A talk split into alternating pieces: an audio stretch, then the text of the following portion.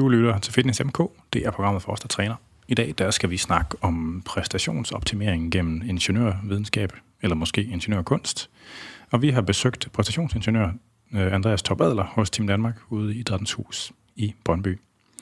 Så her i Fitness MK, der snakker vi jo om idrætsliv og sportsliv, og vi har snakket meget om sportsvidenskab gennem tiden, og meget af det sådan handlet om, om hvad kan man sige, den klassiske, sådan den fysiologiske side af det, der handler om at måle kroppen, og hvordan man tweaker på det input, man giver kroppen, og hvad for et signal, der kommer ud igen i form af en ændring i biomarkør og præstationsevne. Øh, vi har ikke rørt så meget ligesom ved alt det, øh, hvad kan man sige, mekaniske infrastruktur rundt om kroppen, som støtter op om det, der sker. Øh, og der var en frisk lytter, der foreslog, at jeg tog fat i Team Danmark, øh, nærmere bestemt Andreas Top Adler, øh, fordi at det er lige præcis det, som han laver som den eneste i riget. Øh, så det var jo det var oplagt at tage den. Så det er der, vi skal hen.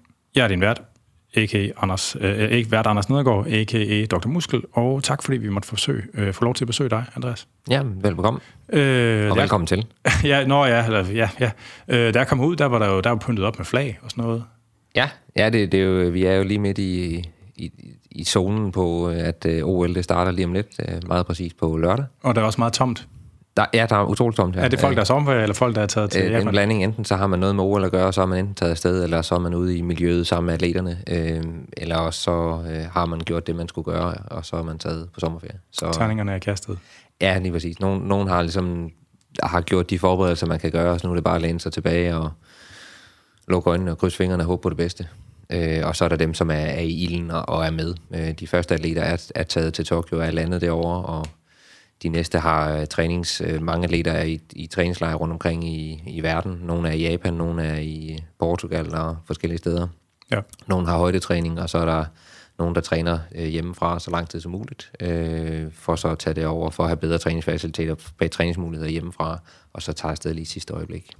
Skal du selv afsted? Øh, ja, det skal jeg. Øh, jeg tager afsted med... Jeg har sådan, en, jeg har sådan to roller øh, generelt. Øh, det kan vi komme tilbage til, men, men sådan med, jeg rejser med banelandsholdet i cykling, øh, og har sådan en... Det er de eneste, jeg sådan kan hjælpe, mens konkurrencen er i gang. Øh, alle andre, jeg har med at gøre, dem... Altså når, når konkurrencen først starter, øh, sejlads, roning, kajak, øh, når, når de første er i gang, jeg kan ikke gøre nogen forskel, når de første er startet, hvor med banecykling, der har jeg sådan en ja, sådan tek, teknisk, taktisk øh, analyse øh, del, som, som øh, understøtter landstræneren. Så jeg rejser med banelandsholdet cykling, og vi tager første sted i... Øh, Pas på, man slår på bordet. Man kan høre det i mikrofonen. Okay. øh, en, en, en taktisk, teknisk øh, tilgang til... Øh, som, som understøtter landstrænerens øh, beslutninger undervejs. Øh, så det rejser med, øh, og de er ude i vi træner med dem ude i Ballerup her den næste uges tid, og tager faktisk først afsted, når OL har været i gang i 4-5 dage, så tager vi til Tokyo, fordi træningsmulighederne ude i Ballerup øh, er meget bedre, end når vi kommer til Tokyo. Så vi lander kun lige et par dage før konkurrence. Okay. Så det bliver med jetlag og hele pivetøjet? Når de... Ja, vi, vi prøver faktisk at skubbe øh, døgnrytmen. Og så det er i gang nu? Ja, vi er så småt begyndt at skubbe døgnrytmen en, en, en lille time per dag. Starter faktisk fra i morgen af, sådan at, at når vi rammer Tokyo, så er vi nogenlunde på Tokyo-tid. Men, men generelt er det ikke et problem for dem. De er vant til at rejse rundt og, og, øh, og konkurrere på forskellige tidspunkter af døgnet og så videre. Så, så det er ikke noget, vi... Det er vigtigt for os at få god træning, end det er at kompensere for, for jetlaget. Ja. Hvad er du uddannelse? Jeg er civilingeniør i medicin og teknologi, så jeg er civilingeniør i teknologi, og så har jeg en, en relativt bred medicinsk øh, baggrund øh, anatomi, fysiologi, patofysiologi, øh, cellebiologi, alt hvad der sådan er inden for det medicinske felt. Er det Aalborg Universitet, eller er det DTU, eller hvad er det? Det er en blanding af DTU og KU, så okay. jeg har haft alt det medicinske sammen med, er inde på Panum Instituttet, øh, og ellers øh, hvem siger, alt, hvad der har med ingeniør at gøre ude på DTU. Ja. Øh, hvordan er du havnet på den hylde?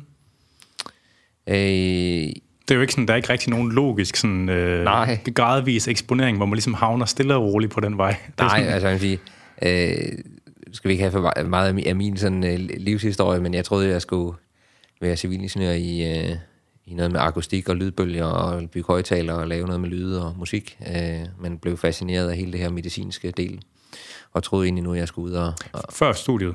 Ja, før studiet, ja. Okay. Og så troede jeg, jeg skulle egentlig ud og... Så jeg, jeg kørte ambulance, øh, og var ude og køre ambulance et halvt års tid, og der blev fascineret af ikke lægedelen, men blevet fascineret af det, at man har udstyr, der kan hjælpe mennesker i nød. Ja. Så det at udvikle medicinsk udstyr, eller have noget medicinsk udstyr, som kan gøre en kæmpe forskel for mennesker. Har, er der sådan et bestemt øjeblik, har du sådan en, har du en origin story, sådan ligesom man... ja, nå, bare, altså hvis man har prøvet at, at, at håndtere sådan en defibrillator, øh, så kan man se, at, at det er jo et, et værktøj, der kan få mennesker tilbage til den virkelige verden igen. Øh, så bare det, at man har udstyr med i en ambulance, er, er, er jo helt vildt. Øh, og, og, og derfor gik jeg den vej i forhold til studiemæssigt, men ret hurtigt under studiet var det ikke den, den, den, det syge menneskes vej, altså den, i, i lægeverdenen, men mere det, at man kan ikke få folk tilbage, der er gået Altså, som er, ikke fra supernormal til normal, men fra normal til supernormal. Ja, præcis. altså nogen, nogen, som ikke er, hvad man siger, som ligger ude i grøften og er 50 procent, øh, og så få dem tilbage måske på 80 eller 90. Øh, her der øh, i, i det medie er i nu, eller miljø er i nu med elitidræt, der er det jo mennesker, der er 100 procent. De sover rigtigt, de spiser rigtigt, de gør alle de rigtige ting. Nu skal vi prøve at gøre dem endnu bedre. Så, ja. så den der jagten på detaljer, jagten på at gøre nogen, der i forvejen er dygtige, endnu bedre, øh, har appelleret mere til mig, end det at få nogen, der er skidt kørende, tilbage til en nogenlunde normal hverdag. Og var det det allerede under studiet? Ja, det var det. Det var det. Så alt, hvad jeg har rørt ved under studiet, har jeg øh, prøvet at dreje i en retning af øh, idræt, øh, performance inden for den retning. Øh, ja. Jeg havde også et ophold med banelandsholdet faktisk tilbage i 2009, øh, så, så har jeg haft en, en, en relativt lang historik med, med dem, blandt andet. Og det, det var så før, du fik noget berøring med Team Danmark? Ja, det var det. Okay, ja. så det var, var det din vej ind i virkeligheden? Ja, eller? jeg har haft mange forskellige. Jeg har, jeg har lavet et, øh, haft et lille, et lille sideprojekt, firma ved siden af, øh, som laver noget øh, måling af bevægelseshastighed inden for badminton. Øh, så jeg har lavet haft lidt forskellige fingre ind i sportsverdenen.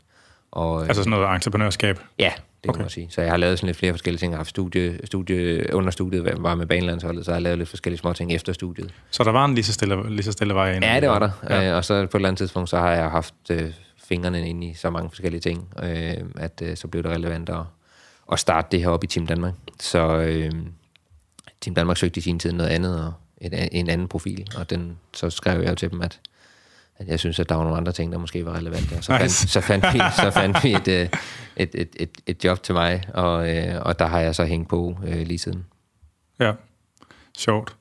Øh, ja, jamen det, øh, det, det var dig. Tak ja. fordi vi måtte besøge i hvert fald. Ja. Øh, og og hvis der er folk, der har spørgsmål til tidligere eller nærværende programmer, så er det som altid på afn eller på programmet Instagram eller Facebook-siden. Vi skal en skiller, før vi skal i gang med dagsordenen.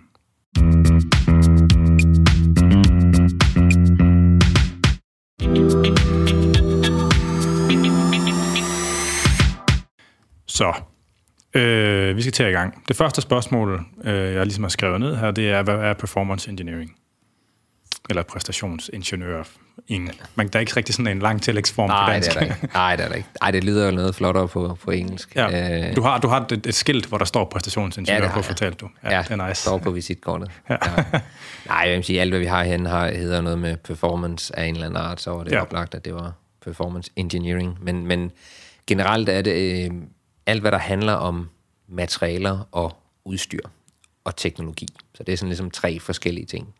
Øh, man har noget udstyr, så det vil sige, der er nogle at alt det udstyr, en atlet har med sig på banen. Så det vil sige, hvis man er cykelrytter, så har man en cykel, man har en dragt, man har en hjelm. Hvis man er sejler, så har man en båd, og en der har en mast og sejler osv. Så, så der er selve udstyret. Så er der noget materialer, så det vil sige, øh, det at dykke ned i detaljen i eksempelvis en cykeldragt. Hvad består den af? Hvad vil det sige at lave syninger? Hvad vil det sige, at man har noget stof, der er hullet, rillet, øh, har striber, øh, er helt glat? Så det vil sige, det er sådan en materialeforskning inden for de enkelte elementer. Ja. Og så er der en teknologidel, hvor teknologidelen, det er, øh, kan man sige, monitorering. Så man kan monitorere en atlets udstyr, eller man kan monitorere selve atleten. Så det er helt ned fra simple pulsmålinger til, hvordan øh, foregår udbøjning i en åre eller i en mast. Hvad udbøjning? Det? Øh, så det vil sige, hvor meget den bøjer. Øh, så når man roer med en åre, så, så vil den bøje, øh, selvom det er en meget, et meget stift, en meget stiv åre lavet af carbon, så, øh, så vil den stadigvæk udbøje, ligesom en mast, den står også og bøjer i vinden. Så det vil sige, det at måle udbøjningen, øh, både den statiske og den dynamiske, det er også en måde, hvormed man monitorerer udstyr.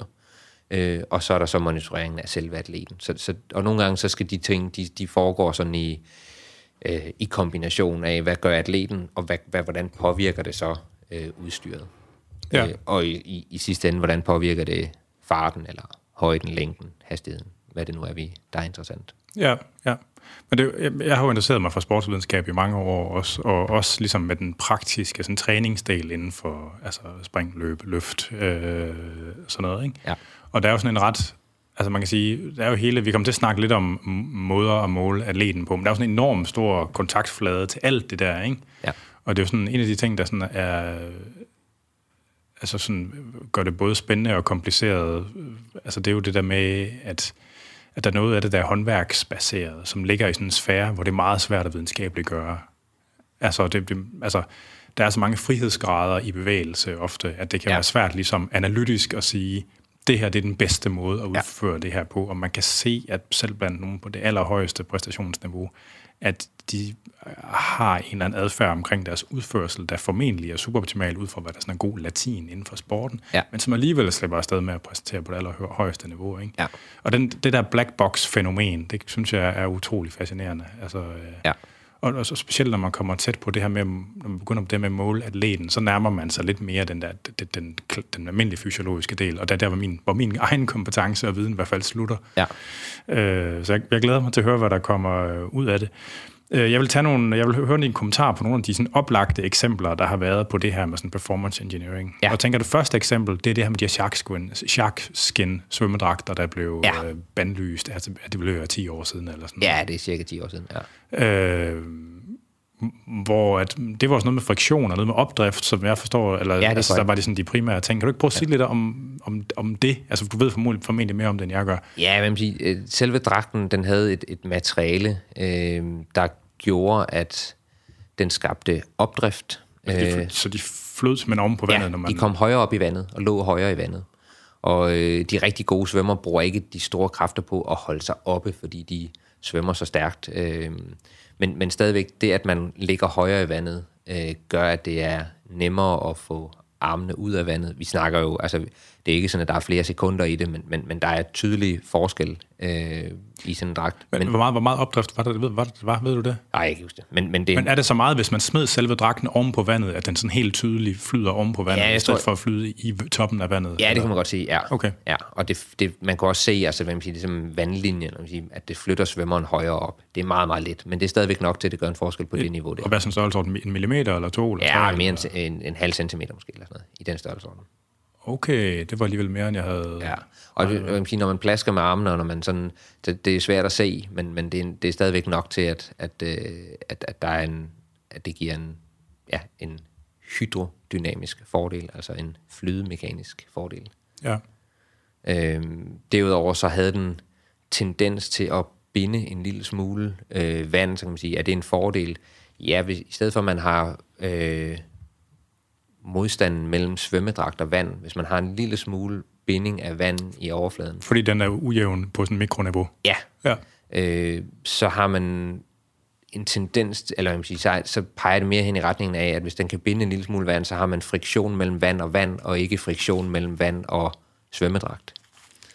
Øh, og, og det er også en fordel. Så det havde, igen, vi snakker jo meget, meget en lille skala, men det er stadigvæk, når vi snakker verdensrekorder, og det er slow øh, der altså, faldt rigtig mange i den periode. Det gjorde det nemlig. Øh, så, så der er ingen tvivl om, at, at det gjorde en, en forskel. Og, og det var både altså en kombination af mindre vandmodstand og øh, en, en lille smule opdrift. Ja. Og, og de der mikrooverflader, er det, sådan noget, er det sådan en pendant til den der golfkugle-effekt, man har hørt om? Eller ja, er det, at der kommer virvler, som der smører øh, bevægelsen? I ja, det kan, man, det kan man godt sige. Altså, det, det er lidt, lidt teknisk, men det, er, altså, det er noget med, hvordan tingene separerer. Så det vil sige, der er sådan en overgangsfase mellem, at noget bliver, er, går fra at være laminart til at være turbulent. Så det kan man se både i vand, men også i luft. Øh, og den overgang, der vil der, øh, der vil der danne sådan nogle bitte små vivler, og de vivler er med til, at man kortvarigt inden for et vis øh, område af fart og størrelsen af vivler, men, men der er ligesom sådan et, et, et vis gap, hvor... Af hastighed simpelthen. Ja, hastighed, hvor at man har en virkelig en, en mindskelse af vandmodstanden. Okay. Det er det samme princip, vi udnytter faktisk, når vi kigger på cykeldragter. Men, Ja. Øh, ja, Det kommer vi til. det kommer vi til. Øh, Det der, det, der, det der lag af vand, som de binder på tykt, er det en halv millimeter eller millimeter? Eller ej, vi er nede i, hvor man nærmest ikke kan... Nå, det er mindre. Er vi helt nede? Ja, okay. det er meget, meget lidt. Okay. Men det er stadigvæk nok ned på, når vi snakker sådan mikro- eller nanoskala, til at, at det kan gøre en lille forskel. hvor mange procent forskel var der i friktion på det, og så en almindelig, sådan en konventionel svømmedragt? Der skal jeg tilbage og kigge i Ja, ja, nå, men det var bare- men, men, men ja, altså 1% eller sådan noget, men 1% der er stadigvæk utrolig meget. Ja, ja. Et andet eksempel, der sådan er mere øh, kontemporært, det er de her Vaporfly-sko. Ja, Altså, hvor der er sådan en carbonplade i bunden. Og det er meget svært at forstå, hvorfor at det øh, gør en forskel, men øh, det gør en ret stor forskel. ja det gør det. Hvor meget ved du om det? Jo, men altså, vi har faktisk vi har øh, haft det undersøgt på nogle af vores dygtige løbere. Øh, det, der sker, når man løber, det er, at altså, benet fungerer lidt ligesom en, en fjeder.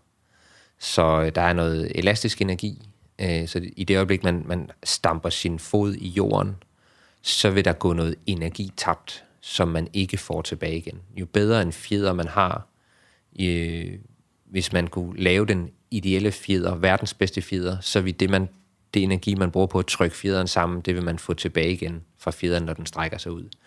På samme måde er det, når man bruger sit ben, sætter det i jorden, så vil der gå noget energi tabt. Det de nye sko, de kan, det er, at de har lidt sådan en, lad os kalde det en fjedereffekt, eller i hvert fald en effekt, der gør, at den energi, man taber i stø- øh, kontakten med jordoverfladen, det får man faktisk til, man får mere af det tilbage igen, end man gør i andre sko. Hvordan gør sådan en plade det? Det er øh, når, lidt ligesom, om man presser en fjeder sammen, så udvider den sig igen. Så den ja. her carbonplade, den, den, den bliver bukket en lille bitte smule i ens, øh, altså i det, man træder ned. Fordi den er bøjet til at starte med, eller i starten, så ligesom virkelig som en bladfjeder? Ja, det eller? kan man sige, som, lidt som en bladfjeder. Ja. Okay. Øh, hvor den, og så bliver den bukket en lille smule, og det får man så tilbage igen. Så den har bare en rigtig god øh, egenskab i at modtage energi og give energien tilbage igen. Øh, Ja. og, øh, og det vil sige, man får mere energi tilbage. Igen, vi er nede i, i virkelig, virkelig små detaljer. Men det er stadigvæk, hvis man tænker på, hvor mange skridt man tager på en 5 km eller på et maraton, Ja, ja. så for hvert skridt, man tager, der mister man ikke lige så meget energi, som man vil gøre med en almindelig løbsko, eller hvis man løber i bare tæer. ja. Øh, og det er det, den kan. Øh, så er der, har de så øh, forsøgt sig med at et af lag lægge en carbon sol ind i, men så lavede de sådan en prototype, som jo ikke har været muligt at få fat i, men, men det Du så en lille smule trist ud der lidt øjeblik. Ja. men, øh, men, men som jo er det, blandt andet den, de brugte til at lave det her forsøg, hvor de gik sub 2. Altså Med Kipchoge der. Ja, præcis, hvor de løb under, under to timer. Øh, hvor de så havde lavet den her sko, hvor der faktisk var tre øh, dele. Der var aldrig nogen, der har set den, det er jo kun rygter alle sammen. Øh, men øh, at der var tre carbonsåler i, eller tre sådan carbonlag med noget skum indimellem, øh, som så har haft en endnu større effekt. Og der har jeg så også lavet et relativt stramt reglement nu, at hvis man skal putte en carbon del ind i skoen, skal det være øh, i et stykke. Man må ikke separere den og så have tre elementer af carbon. Altså man skal have en sål, og så er der regler for, hvor tyk den må være, hvor bred den må være. Hvor Skoen eller den der plade. øh, pladen, øh, carbonpladen i skoen. Hvorfor overhovedet tillader den til at starte med? Øh, ja, det er, jo, det er jo det helt store øh, diskussion inden for udviklingen af sport. Øh, det er, altså, hvad vil man tillade? Ja, Øh, ja. Og det går bare i den retning. Altså, Men, det, men, det den er, men, men i den, i den afslappede tilstand, der er den buet pladen, eller hvad? Øh, ja, meget lidt. Meget lidt. Men det er det, der gør det, eller hvad? Ja, det er det. Ja, altså, jeg er faktisk lidt i tvivl om, hvor budet den er. Jeg ved bare, at altså, den ændrer sin... Altså, man har... et- Det, man har, det har, man har noget, der er stift, så er det egentlig lige meget, om det er buet eller strakt. Man har noget, der er stift, og det bøjer man så. Om det så har været strakt i forvejen, og man bøjer det, Ja, ja, eller, ja, ja. eller om man, det er bukket, og man så retter det ud. Men, men effekten er, at Bevares, man har noget, ja. der har øh, et, et, stift læme, man bukker, og så kommer energien tilbage igen. Ja. Øhm, og så, Men så, men så skal resten, hvis- den så lige til at starte med, så skal resten af skoen være lavet på en måde, så der er et sted, den kan bukke ned i, så der Ja, er noget, der er præcis. blødere. Og, og det er det her med, at, at så er der noget, en eller anden form for en opbygning med noget skum, der, der tillader en bukning, øh, Ja, så det kan og, og som komprimeres. stadigvæk er behageligt at løbe på. Og sådan noget. Så, der er ingen tvivl om, der er lagt utrolig meget øh, videnskab øh, og udvikling fra, i det her tilfælde, øh, Nikes side, øh, for, for at skabe øh, en, en sko, der er behagelig at løbe i. Det, bare, umiddelbart, når man lige hører det, løbe på en carbonplade, det lyder ikke som, om, som noget, der er, er lækkert. Nej, nej. Øh, men, men ja, det er jo tilpasset, så der er øh, noget skum, der tager imod og giver tilbage og føles, så, så er der stadigvæk en vis komfort i at, at have den på. Jeg gør det let nok. Og gør det let nok, ja. Og der er carbon jo bare, i hvert fald lige nu, state of the art inden for stort set alt materiale, teknologi inden for sportens verden. Carbon er bare det stiveste og det letteste materiale. Det er der, hvor man får det bedste for begge verdener. Det, det er både enormt stift, øh, men vejer i, samtidig ikke ret meget. Så det er jo nogle, altså det her det er jo nogle eksempler på, hvad kan man sige, nogle sådan lidt mere øh, kvalitative spring i, i, i sportsteknologi, hvor, man ligesom, hvor, hvor der er noget, der flytter sig mere end ting normalt gør i udstyrsafdelingen, ja. som gør, at man lige pludselig ser en masse rekorder, der falder på sådan en vild måde. Ja. Men, men det er vel, altså, kan man sige, det er vel atypisk i virkeligheden, at det er sådan, det er. Er det ikke det? Jo, altså jeg synes, der er lidt mere sådan en, altså sådan en glidende overgang i, i forhold til det. Man, man har jo, altså der er ingen tvivl om, det, det er en ting, hvor man kan kigge lige ned og sige, det der, det, det har gjort en forskel. Lidt ligesom med svømmedragten. Ja. Øh, men ellers så har sporten jo over de sidste 20, 30, 40 år, egentlig altid fulgt den udvikling, der i forvejen er i samfundet, eller de øh, følger, om, om er det så sporten, eller er det rumteknologi, er det Formel 1, der er de forreste, men det, at, at eksempelvis carbon er et materiale, man bruger i restvægt til at lave sportsudstyr, følger den forskning og udvikling, der i forvejen sker i forhold til det at, at bruge carbon. Og det er jo sådan noget som cykler. Altså, så havde man stålcyklen, øh, da de lå kørt op og ned tilbage i 70'erne. Det var sådan en god, stiv stålramme. ikke? Og så kommer der en aluminium, og så har man prøvet sig af med lidt titanium, og har ligesom kommet frem altså over, over tid og udvikling, at, at carbon, jamen, der er jo ikke nogen, der ikke har en carbon-cykel. Nej. Øh, I et Tour de France-felt, for eksempel. Øh, så, så der, der er en eller anden form for naturlig udvikling i samfundet, eller i viden generelt omkring materialteknologi, og den gør sportens verden så også brug af. Så vil der være nogle elementer inde i sportens verden, hvor man siger, at der er sporten blandt andet i Formel 1 øh, frontløber med nogle, med nogle ting. Men, men generelt så tror jeg, at de, de to ting, de, de følges ad. Ja, ja. Jeg så sådan en, jeg tror, har det været en BBC-dokumentar, hvor man fandt en, øh, en moderne sådan U, øh, lige, sådan, lige under OL-niveau sprinter. En, der løb 100 meter på under 10 sekunder på en ja. god dag, ikke? Ja. hvor de prøvede på at sætte dem i sådan nogle cleats, og det type underlag, man havde, da man løb sprint i 50'erne. Ikke? Ja. Øh, og som ligesom, du ved, og så kunne han så ikke løbe hurtigere. Altså han mistede, jeg kan ikke huske, hvor meget han mistede, om det var 400, eller om det var 400.000 dele, eller hvad det var, men det var, ja. det var meget, han mistede. Ikke? Ja. Altså, og så var man lige pludselig tilbage i at være på det samme niveau, ja. som man var der i 50'erne. Altså sådan, ja. øh, og, og, og argumentet, det var jo, at, at du ved, at selvfølgelig er der flere mennesker at selektere fra, fordi der er flere, der dyrker sport, men ligesom at den største del af den fremgang, man ser i rekorder i etableret sportsgren, at det i virkeligheden skyldes teknologi, selv i nogle af de sportsgrene, hvor det ser ud som om umiddelbart, at det kun er en krop, der vil Ja, at det er det, det er det reneste. Men ja, altså atletikstadionet, den gummibelægning, der er i atletik, øh, det, den måde pikskoene tager fat i underlaget på, øh, har jo også udviklet sig. Og derfor der er jo en hvis man skal tilbage til at sige, hvornår er det for meget? Altså skal man, skal man tillade en carbon øh, del i en løbesko? Ja, men så, altså, hvornår skal vi strække stregen? Fordi skal vi så tilbage til den gamle underlag på atletikstadion? ja, nøgen på en asfaltvej. Eller, altså, hvornår er det? Øh, og det samme med, med rekorder inden for ja, cykling. Øh, hvornår er det en timerekord? Hvornår må man gøre brug af viden inden for aerodynamik? Og hvornår skal man, skal man tilbage og køre på en stålramme med anden typer dæk og øh, gear, der sidder nede på, øh, på stangen? Og, altså, på et eller andet tidspunkt, så, så, så må man acceptere, at, at det, at, at rekorder udvikler sig, er et atleten, men er også det, der sker rundt om atleten. Både ja. udstyret, men også elementet, øh, måden man øh, bygger svømmehaller i dag, hvordan vandet, når det ryger ud til siden. Øh, altså flowet i... Flowet i vandet, ja. Og hvordan at, at der ikke kommer... Øh, altså hvordan bølgerne, når de rammer side, en svømmer vil lave små bølger i vandet, men når de ryger ud i siden, bliver de ligesom så dør bølgen ud i siden, så der ikke kommer tilbage skyldninger fra, fra bølgerne, øh, de små bølger, de laver, når de svømmer.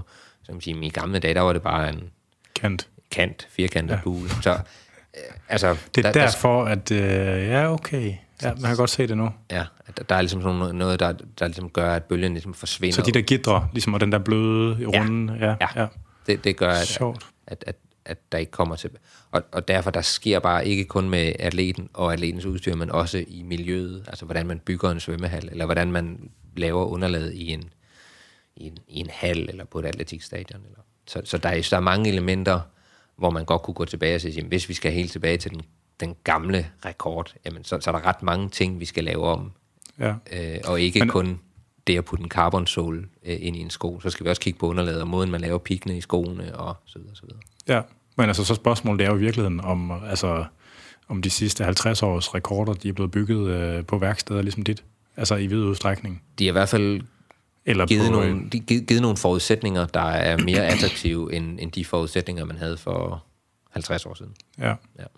Men så er der, hvad man siger, den verden, som, som du også har bevæget dig rundt i, Anders, det er jo også, øh, hvordan man træner viden omkring muskelfysiologi. Det, at der er nogen, der tager på højdetræningslejre, og det, at man øh, tager nogle øh, kosttilskud, og det, at man intervaltræner. Og, så, så, så det er jo også en del af det, at man udvikler viden omkring, det er så viden omkring atleten. Men, men måden, man træner på, at man ikke nødvendigvis bare som cykelrytter skal køre 250 km i træning hver dag, men at det godt kan betale sig at lægge intervaller ind. Og, altså, at der, er mange andre ting. Så, så, Jo, jo. så, så det er sådan en kropslig udvikling, der sker i samfundet. Viden om kost og viden om, hvad man skal indtage på de rigtige tidspunkter. Øh, skal man så også begynde at lege med den, og så sige, at du må kun spise, eller du må ikke til... ja men det var også et polemisk spørgsmål. Altså, det var, Ja, så, så, så, altså, så jeg tror egentlig bare, at, at, at hele det her teknologi og udstyr, det er en del af det, at man får mere viden, og man bliver dygtigere på, på det område. Og, og det, Altså, der er mange, jeg tror, der er mange, der godt kunne tænke sig sådan, nogle gange sådan nogle no-hold-bars konkurrencer, ikke? Ja. Hvor man bare fyrer den af med alt. Ja. Vi vil se nogen fucking køre 90 km i timen på cykel ja. Hele time, ikke? ja, Men øh, der, der er nogle spørgsmål, der bliver ja sådan, det, det, det er ikke vores øh, boldgade, men ja, Nej. det kunne være interessant. det kunne være meget Se, hvor langt man kunne presse den. Ja, ja. Øh, yes, hvad hedder det? Dave Brailsford fra Team Sky er det vist, ikke? Ja. Han har jo det her incremental gains, Ja. som jo lidt sådan taler ind i den, det samme paradigme omkring det med præstationsoptimering. Øh, og jeg vil gerne høre, hvad du tænker om det. Øh, og først så vil jeg gerne give min egen sådan, betragtning omkring Ja. det, fordi jeg synes, altså, det virker jo trivielt, at øh, for at tune folks performance, så har man en masse knapper at skrue på. Og alle, øh, det han siger, det er jo, at alle knapperne er relevante, og så længe man bare kan skrue på en lille smule i den rigtige retning, så er alting godt. Men spørgsmålet er vel, hvor mange kræfter det altså hvor stor en indsats kræver det at skrue på de forskellige knapper i forhold til hinanden. Altså hvad er den indbyrdes pris for at optimere den her parameter? Ja. Og jeg tænker, det er virkelig et mere relevant spørgsmål, end sådan en relativt triviel betragtning, at man kan skrue på alle knapperne. Ja. Altså, hvor stor er modstanden på dem på en eller anden måde, ikke? Ja. Øh, fordi jeg, jeg, jeg synes- altså jeg har jo også lavet øh, altså, kost- og træningsvejledning til elitesportsfolk, og, spørgsmål, og, og enormt mange af dem, de lever de her lidt afsondrede liv, hvor, hvor man godt kan komme til at obsesse over en masse ting, ikke? hvor man så nogle gange ligesom må gå ind og sige, det er jo sandsynligt, at det der kosttilskud, eller det der kostmønster, eller at det vil påvirke din præstationsevne lige så meget som det her. Ja. Men det her ligesom med at sætte knapperne i en eller anden form for trangfølge, er det relevante. Ikke? Og det er så der, det bliver kompliceret, fordi så der kommer sportstræneren, og så kommer sportsstøttetræneren, og så kommer fysioterapeuten, nu kommer du også. Ikke? Ja. altså, hvad, hvad, er, hvad er din oplevelse af, det, at, at, af den der situation omkring det der incremental gains i forhold til det? Jamen, altså, jeg, jeg tror, at øh, mange af de ting, jeg selv rører ved, øh, jeg vil sige, der er mange ting, man kan ændre på, som øh, jeg vil sige, direkte involverer atleten. Så det vil sige, det er noget, der kan gøre en forskel for, hvordan atleten skal føre sin dagligdag. Det vil sige, hvad de, hvordan de sover, hvordan de spiser, hvordan de, hvor meget vægte de skal løfte osv. Øh, hele deres træningsplanlægning. Så, så det ligesom involverer meget atleten. Jeg er så, synes jeg selv, meget privilegeret, at jeg er i en boldgade, hvor det ikke er alting, der ændrer noget, atleten skal, altså i atletens hverdag. Så det vil sige, hvis jeg finder en hjelm, udvikler noget på en hjelm, så skal atleten egentlig ikke gøre noget anderledes. Nej. De, øh, de, de skal stadigvæk sove og træne og alle de andre ting, som de nu render og ruder med. Men, men hvis de bruger den her hjelm frem for den anden hjelm, så bliver de hurtigere. Øh, hvis man laver en overfladebehandling på en båd, jamen det gør ikke nogen forskel for roeren i deres dagligdag, deres tilgang til deres sport. Øh, så set fra, fra min side af, så det, at man finder gains, er ikke noget, der interagerer vildt meget med, hvad atleten og hvad der ellers er fysiske trænere og diætister osv. osv. Det, det, er, det er mere en, hvad man siger, et valg, at hvis du... De kræfter, det koster nogen, det er ikke atletens. Det er Nej, det. er det ikke. Det, det hvad man siger, i, i sidste ende, så, så, så øh, øh, kommer jeg... Ønskesituationen er jo, at jeg kommer med en eller anden form for en, en gadget, eller i hvert fald noget udstyr, en anden dragt, en anden hjelm, øh, kan, kan give en, lave en overfladebehandling på en båd, der gør, at båden får mindsket sin vandmodstand, så det bliver med de samme kræfter, får man mere fart, eller mere højde, eller hvad man nu, øh, hvilken disciplin man nu er i.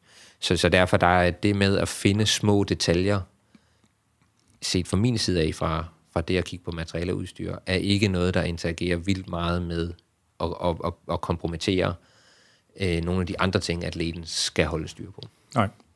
Nej, men selv inden for dit univers, hvis man kigger på en båd for eksempel, ja. der vil jo også være flere forskellige knapper. Der ja, er formentlig noget med, øh, er formentlig noget med øh, overfladebehandling, noget med design af kølen, noget ja. med bådens fasong, Helt sikkert. vægtfordeling, ja.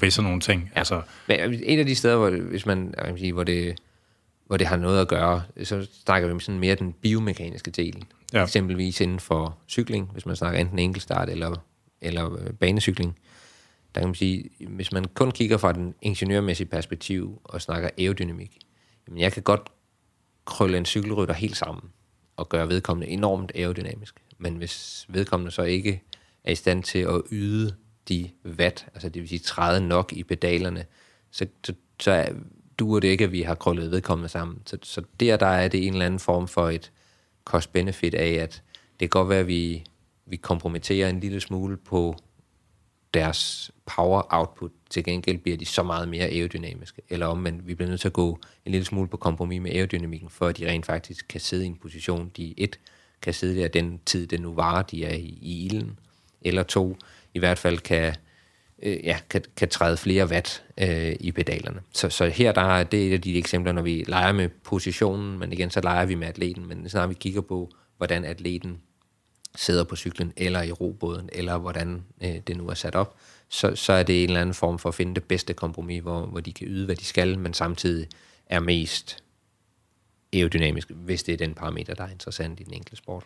Ja, og nu tror jeg, nu er vi ved at være fremme til, hvad er det for, hvad er det for nogle ting, du helt konkret øh, ligesom, øh, får lov til, eller bliver bedt om at stikke snitterne i herinde? Og hvordan, altså, øh, ja, altså, jeg, jeg, øh, altså det, hvor det giver bedst mening, og det er jo sådan et, et, et, et bredt øh, perspektiv. Jeg, jeg skal jo forsøge at øh, lægge mine kræfter i der, hvor det øh, giver den største mulighed for enten medaljer, eller i hvert fald, hvor det kan rykke noget for den enkelte atlet. Øh, og øh, det er på tværs af alle discipliner. Jeg kunne sagtens være fuldtidsansat øh, i, hos øh, sejlerne. Jeg kunne også sagtens være fuldtid med banecykling. Finder bare nogle flere knapper og sko Ja, men der, der, er, der er helt til noget. Altså, der er masser af ting, vi kan, vi kan tage fat i.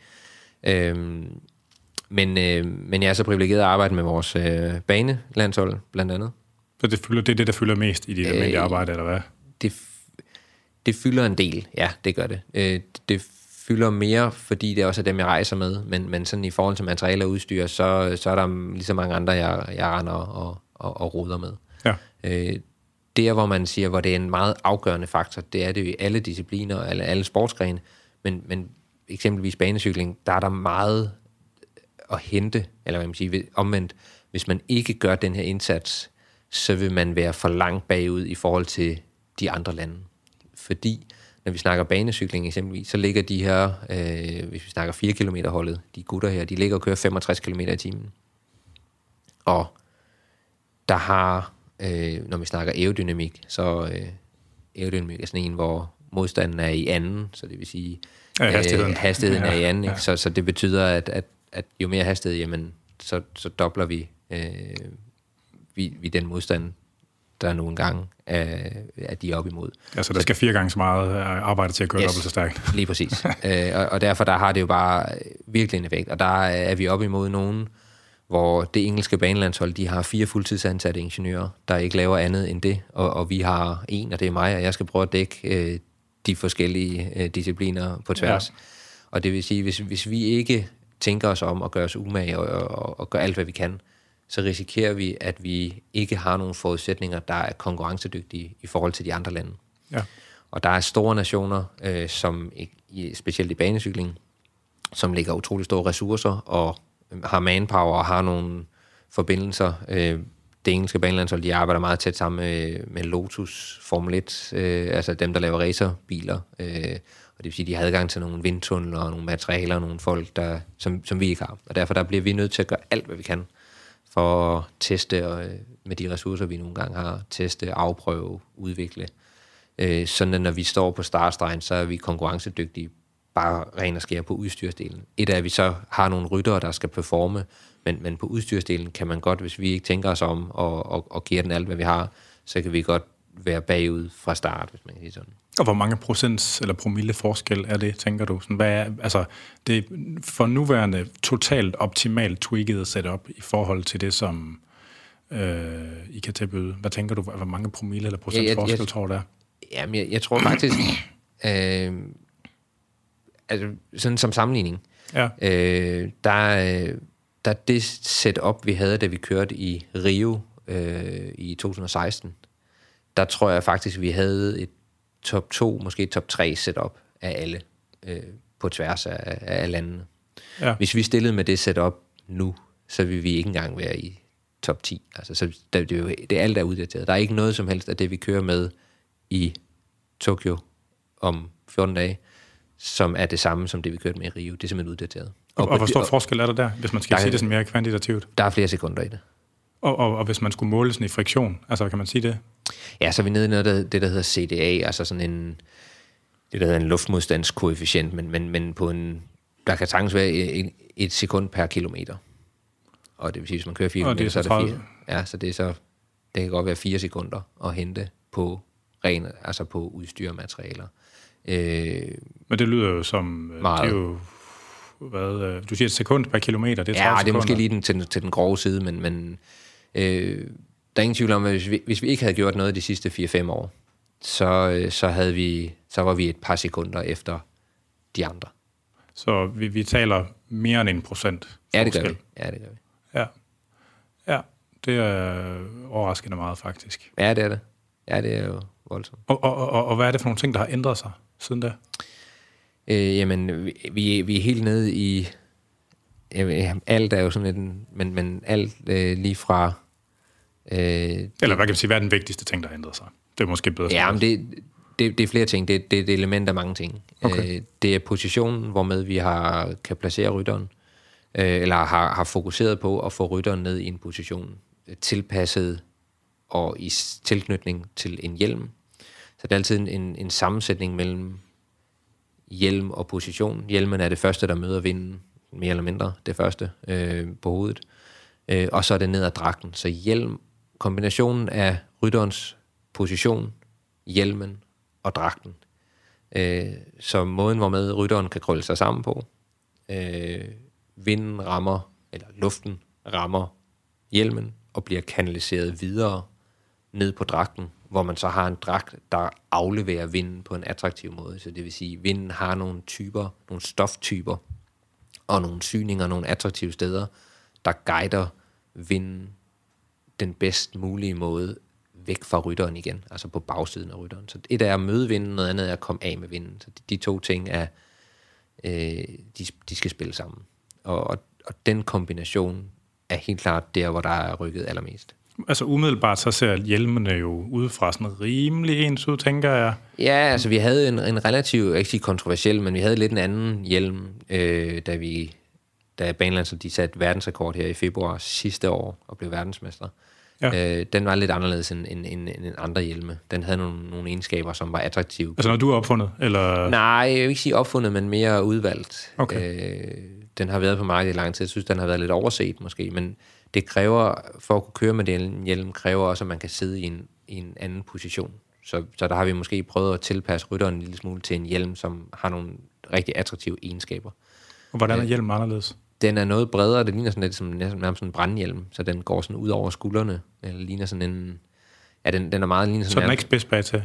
Nej. Det er sådan en finde nærmest? Ja, eller det, nej, det En ligner sådan en, ja, ligner sådan en brand, det ligner sådan nærmest sådan en svamp, man tager på hovedet, som, som går ud over skuldrene.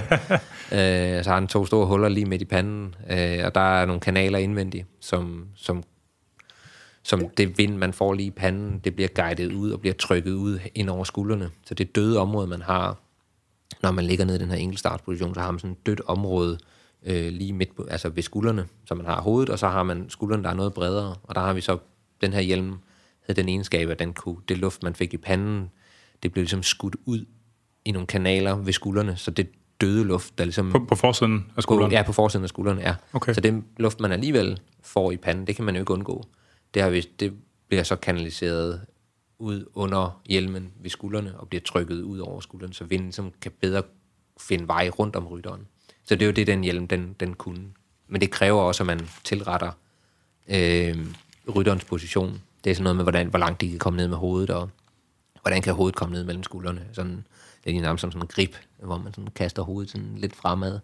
Bliver ned med hovedet, men stadigvæk frem med, øh, men stadigvæk frem med, med hagen. Øh, så, så, så, så den, var, den var lidt speciel. Men det fungerede? Det fungerer, ja, det var, det var et rigtig godt setup, ja. Øh, hvor, hvor, altså sådan nogle ryttere, der har mange tusind timers træning i kroppen i forvejen, typisk med en anden stilling. Ja, Hvor, hvordan er det at få dem til at ændre stilling, når de begynder at blive trætte, og det hele begynder at stege op i hjernen på dem? Altså, kan, ta, Ja, altså hvad man siger, øh, der er fors- forskellige discipliner, men når vi sådan snakker øh, hvad man siger, flagskibet inden for banecykling er det her 4 km hold, øh, 4 km holdforfølgelsesløb. Øh, der sidder de derude i nu 3 minutter og 45 sekunder, 3 minutter og 44, øh, 672, som er verdensrekorden. øh, men men øh, det, så det, det er lige under 4 minutter, og der kan de sidde, altså der, der er det, handler det ikke, det er ikke på, på nogen måde et spørgsmål om komfort. Det er udelukkende performance. Så de sidder ikke i en position, der er rar. Det er ikke rart at sidde sådan. Det, er heller ikke, det, gør heller ikke, det, det føles ikke rart nogen steder i kroppen at sidde på den måde der.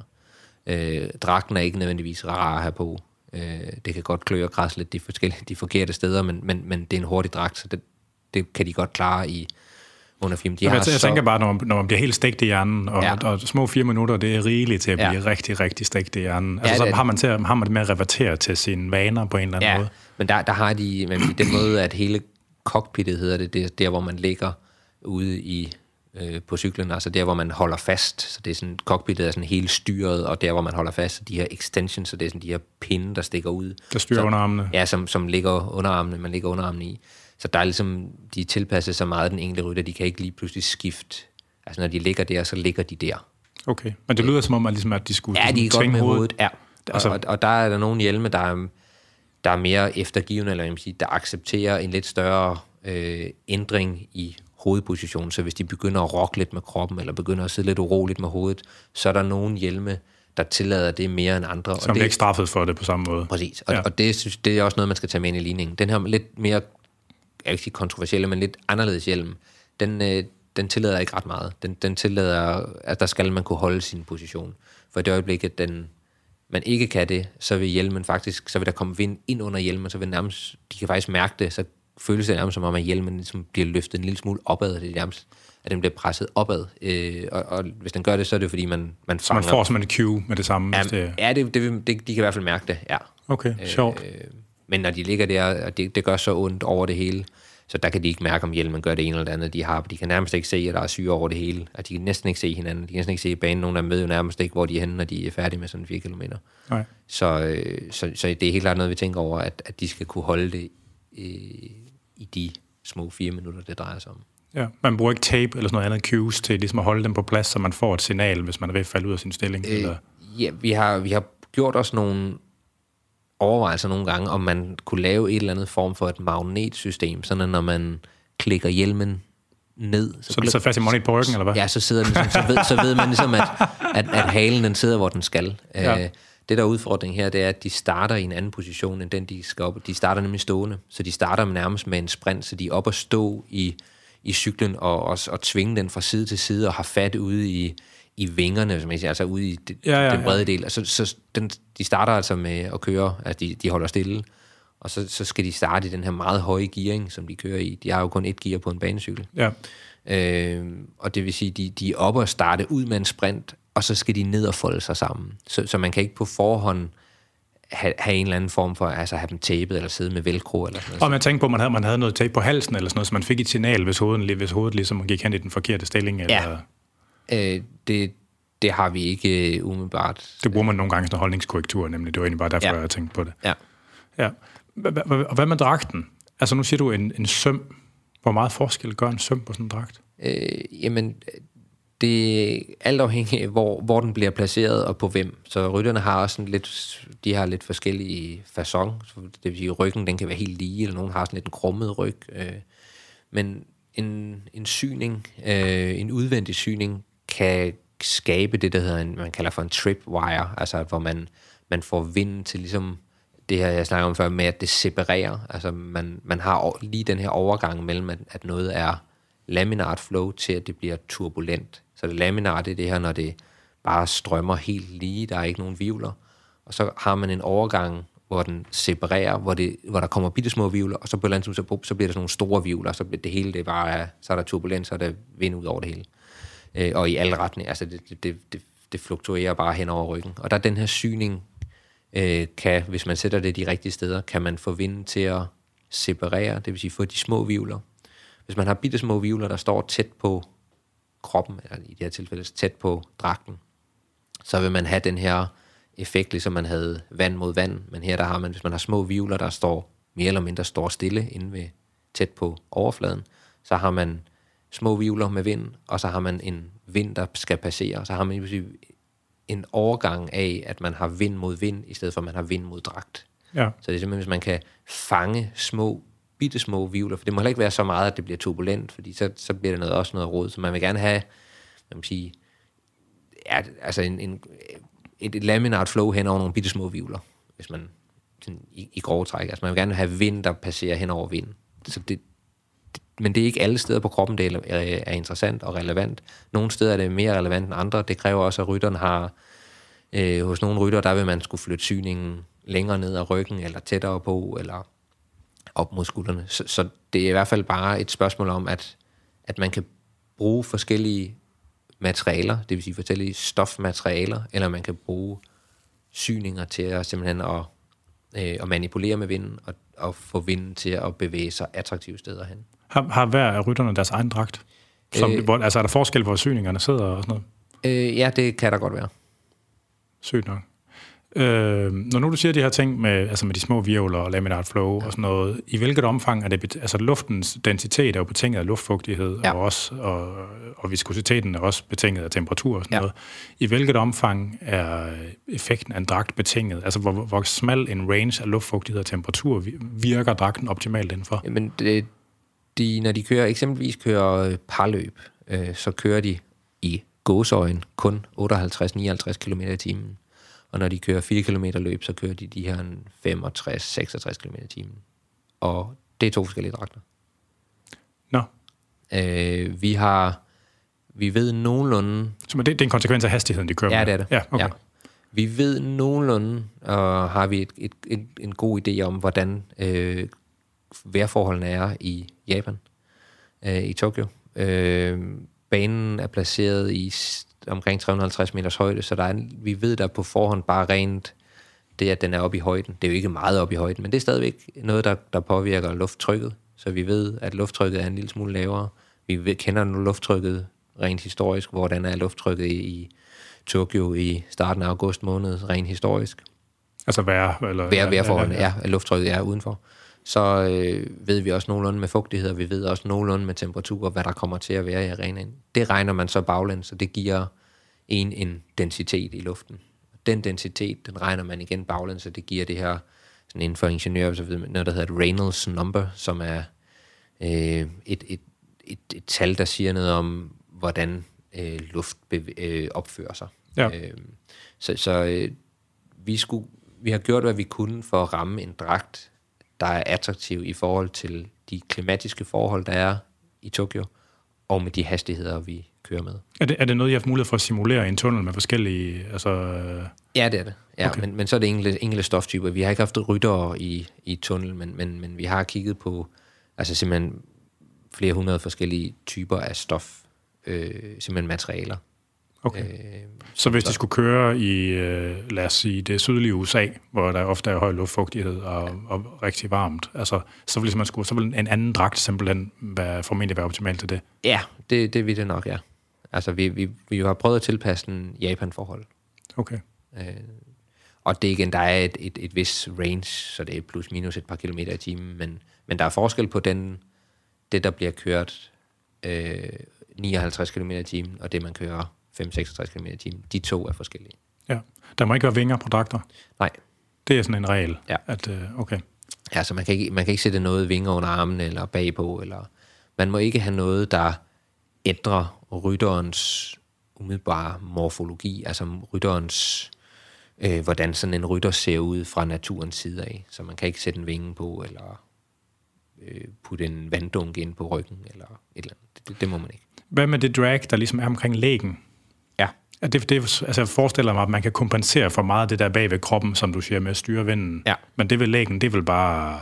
Ja, benet er lige nøjagtigt lægen, øh, så det vil sige fra foden op til knæet. Det er mere eller mindre en lodret cylinder, der pumper op og ned, og som bevæger sig mere eller mindre lineært igennem luften. Ja. Øh, så der er, det er attraktivt, hvad der sker fra anklerne og op til midt imellem knæet og anklen. Man må ikke have, øh, have sokker eller skoovertræk, eller hvad det er. Man må ikke, de må ikke gå højere end til lige nøjagtigt midt imellem knoglens fremspring fra knæet og til anklen. Så midt imellem det er, det er det højeste, man må sætte sine sokker. Hvis vi Har måtte... de bare ben? Eller har- går dragt? Er, fuld, er det en fuld dragt? Nej, de, har, de skal have bare ben. Så, så, Okay. så bukserne må ikke gå længere. Nå, jeg troede faktisk, det var en fuld dragt. Så giver spørgsmålet ikke så meget mening. Øh, nej, så, så øh, hvad man siger, så, så øh, bukserne skal, altså cykelbuksen skal øh, slut over knæet, og øh, sokken, eller hvad man nu har over sin sko, må ikke gå højere end til midt imellem knoglefremspring mellem knæ og ankel. Øh, hvis vi måtte, øh, skal, skal det ikke udelukkes, at vi gerne vil køre i en hel dragt, men, øh, men, man, det må simpelthen ikke gå højere. Og der er også meget at hente dernede. Altså, det er ikke tilfældigt, hvad man har, hvilket øh, sokker eller skoovertræk. Øh, det var i Rio, måtte man ikke køre med skoovertræk, så der skulle det være en sko og en sok.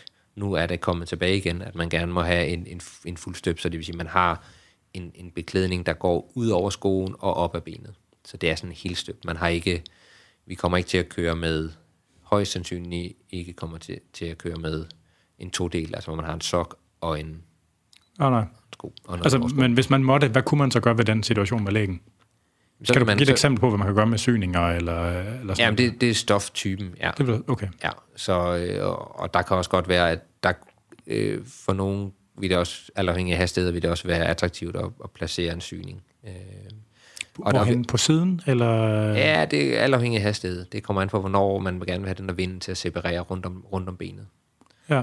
Øh, så det vil ikke være lige midt på foran, men, men det vil heller ikke være her om på bagsiden, eller lige midt på siden. Det vil være sådan et eller andet sted mellem lige midt på, og så helt ude på siden. Så et eller andet sted mellem der. Men så noget som for eksempel at have en høj søm på midten, er det nok til at kontrollere vindens flow, hvor den splitter henne? Øh, Eller hvor, eller hvor meget sådan, hvor, hvor sensitiv er vinden, når man møder den på den måde? Jamen, den er meget sensitiv. Det er den. Og det er, igen, vi snakker om meget, meget små detaljer. Ja, ja, ja. Men, men, men, men det, det jeg har noget at sige.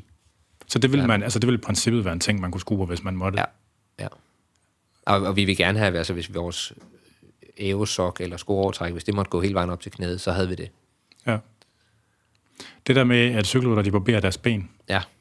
er det, gør det en forskel, og hvis det gør en forskel, er det så en god eller en dårlig ting? Øh, jamen, det, det gør det. Altså, der er, hår er ikke øh, attraktivt. Så det gør en forskel? Ja, det gør det. Ja, det gør Okay. det. Igen, vi er nede i meget små detaljer. Ja. Der er også noget komfort i forhold til det at få massage, og, og sådan noget, så der er også noget Bevares. praktisk i det. Ja, ja. Øh, men, men, øh, men det er ikke attraktivt at have, have hår. Det er ikke meget, men det er stadigvæk nok til, at vi godt kan måle det. Nå. Øh, så det er glat, glatte arme og glatte ben. Ja. Men det er ikke så meget cyklerne, der er blevet skruet på på det seneste? Øh, Eller hvad? jo, det, altså, det er nogle andre hjul, vi kører med, andre dæk. Øh, kæden er noget andet. Øh, det er nogle andre tandhjul, øh, klinger, som det hedder. Øh, pedalerne er stort set også, de fleste har skiftet til nogle lidt mere aerodynamiske pedaler. Øh, er det alle sammen ting, der falder ind under kategorien af noget, der er målbart? Altså, rep, altså sådan ja, det er det. Målbart? Ja, det er det. Ja. Okay. Øh, og, og hvad er målbart? Altså, hvor mange promille eller tiendedel promille? Eller, ja, vi, altså? Det er meget små detaljer.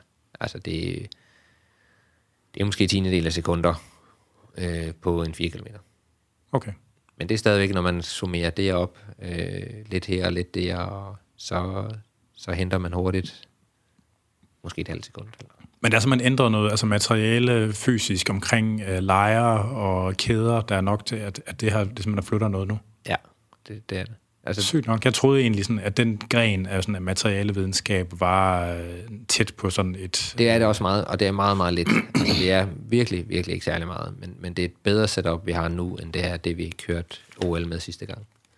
Vildt nok. Øh, og så er hele cockpit, de ligger i nu, så det vil sige, de her extensions-pinde, øh, de har, er tilpasset den enkelte rytter, hvor, hvor det tidligere var vil sige, lidt mere en standardvare. Altså, så kan man så ændre på længden og på vinklen, hvor, hvor, hvor meget de vinkler armene op, og, og hvor langt de kommer frem. Altså, det kan man stadigvæk godt, men, men det, det her det er sådan lidt mere tilpasset øh, deres underarm, måden de holder fast på, øh, vinklingen, det hele.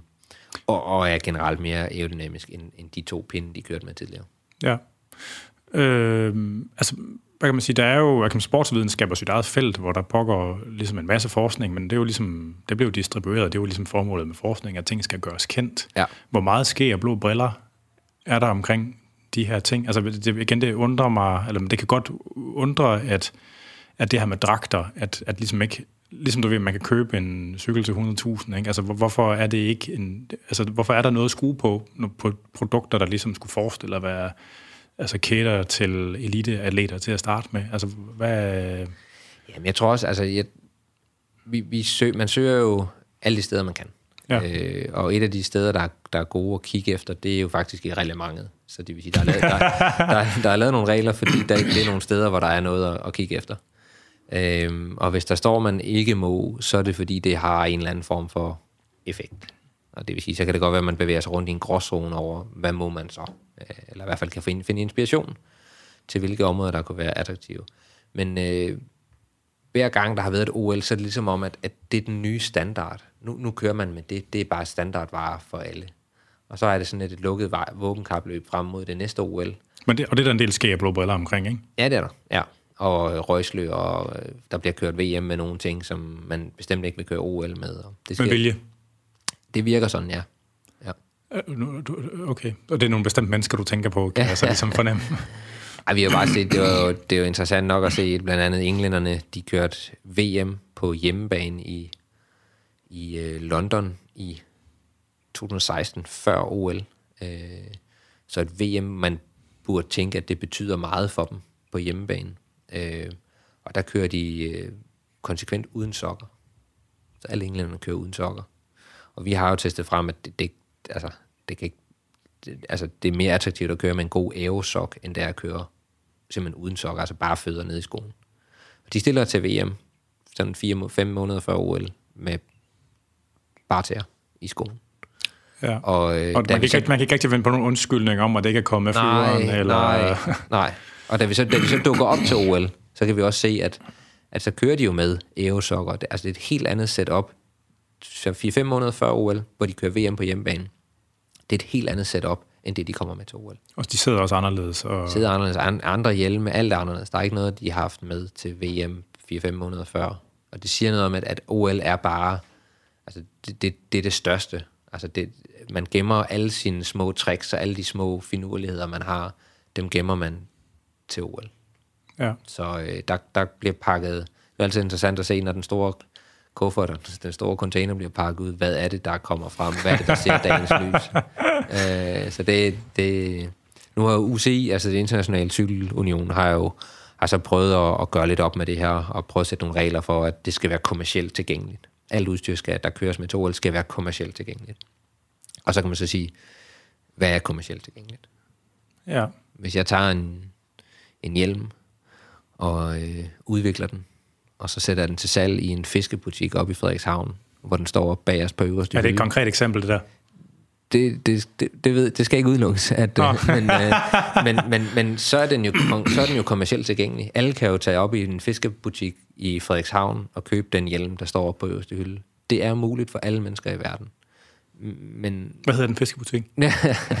men, men, men er den så kommercielt tilgængelig? Ja. ja, måske lidt. Hvad med modificering? Altså hvis du tager indmaden ud af en hjelm og ændrer på skummen og... Øh... Ja, det er jo så også... Øh, man må ikke modificere på noget, der er købt. Nå. Men, eller sådan som det ser ud, det originale design. Men det skal ikke udelukkes, at der kan manipuleres med tingene på den indvendige del i hvert fald. Det man ikke kan se.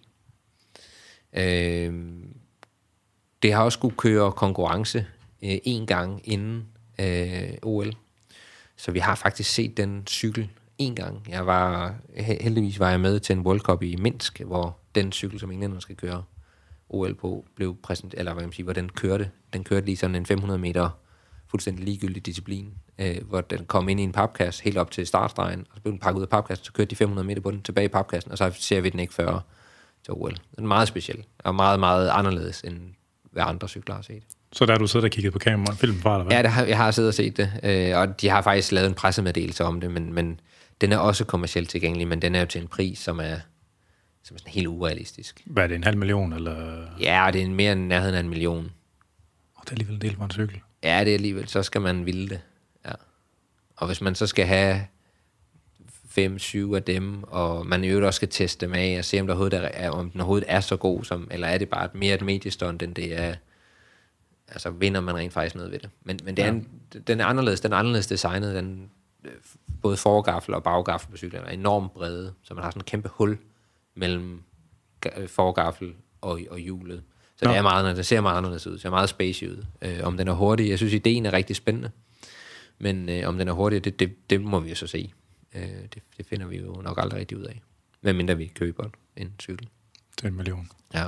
ja. Der er også det, hvis man gerne vil have noget udstyr, så selvom det er kommercielt tilgængeligt, så er det meget sjovt, at hvis man øh, ringer og så siger, jeg vil gerne bestille øh, en hjelm, det lige nøjagtigt den hjelm, det, øh, der er udsolgt. Der, der er simpelthen lige en, der har købt den sidste, men øh, du kan prøve at ringe igen en anden dag. Fordi det landshold har et samarbejde med det udstyrsmærke. Ja. Ja. Så det er kommercielt tilgængeligt, men det er jo bare ærgerligt, der lige var udsolgt den dag, jeg ringede. Så hvis man ringer næste dag, det var meget skægt, vi havde en i går, men, men der er lige en, der har købt den sidste, så den skal lige produceres, før vi kan... Så der er bare, der er simpelthen ud, out of stock. men det er sådan en gang midt i august, lige efter OL, der, der er vi sikre på, der er, altså der er vi sikre på, der er der i hvert fald Nice. ting hjemme. Så, så det er jo lidt en gråzone mellem, hvornår er noget kommercielt tilgængeligt, hvad, hvad er tilgængelighed, hvornår kan man købe det, hvor, hvor er det til at få fat i. Ja. Jeg synes, de gør en indsats, UCI, for at det skal være lige for alle. Øh, men, Men det er svært at håndhæve. det er meget, meget svært at håndhæve. Det er. Ja. Vi skal lige have en skiller.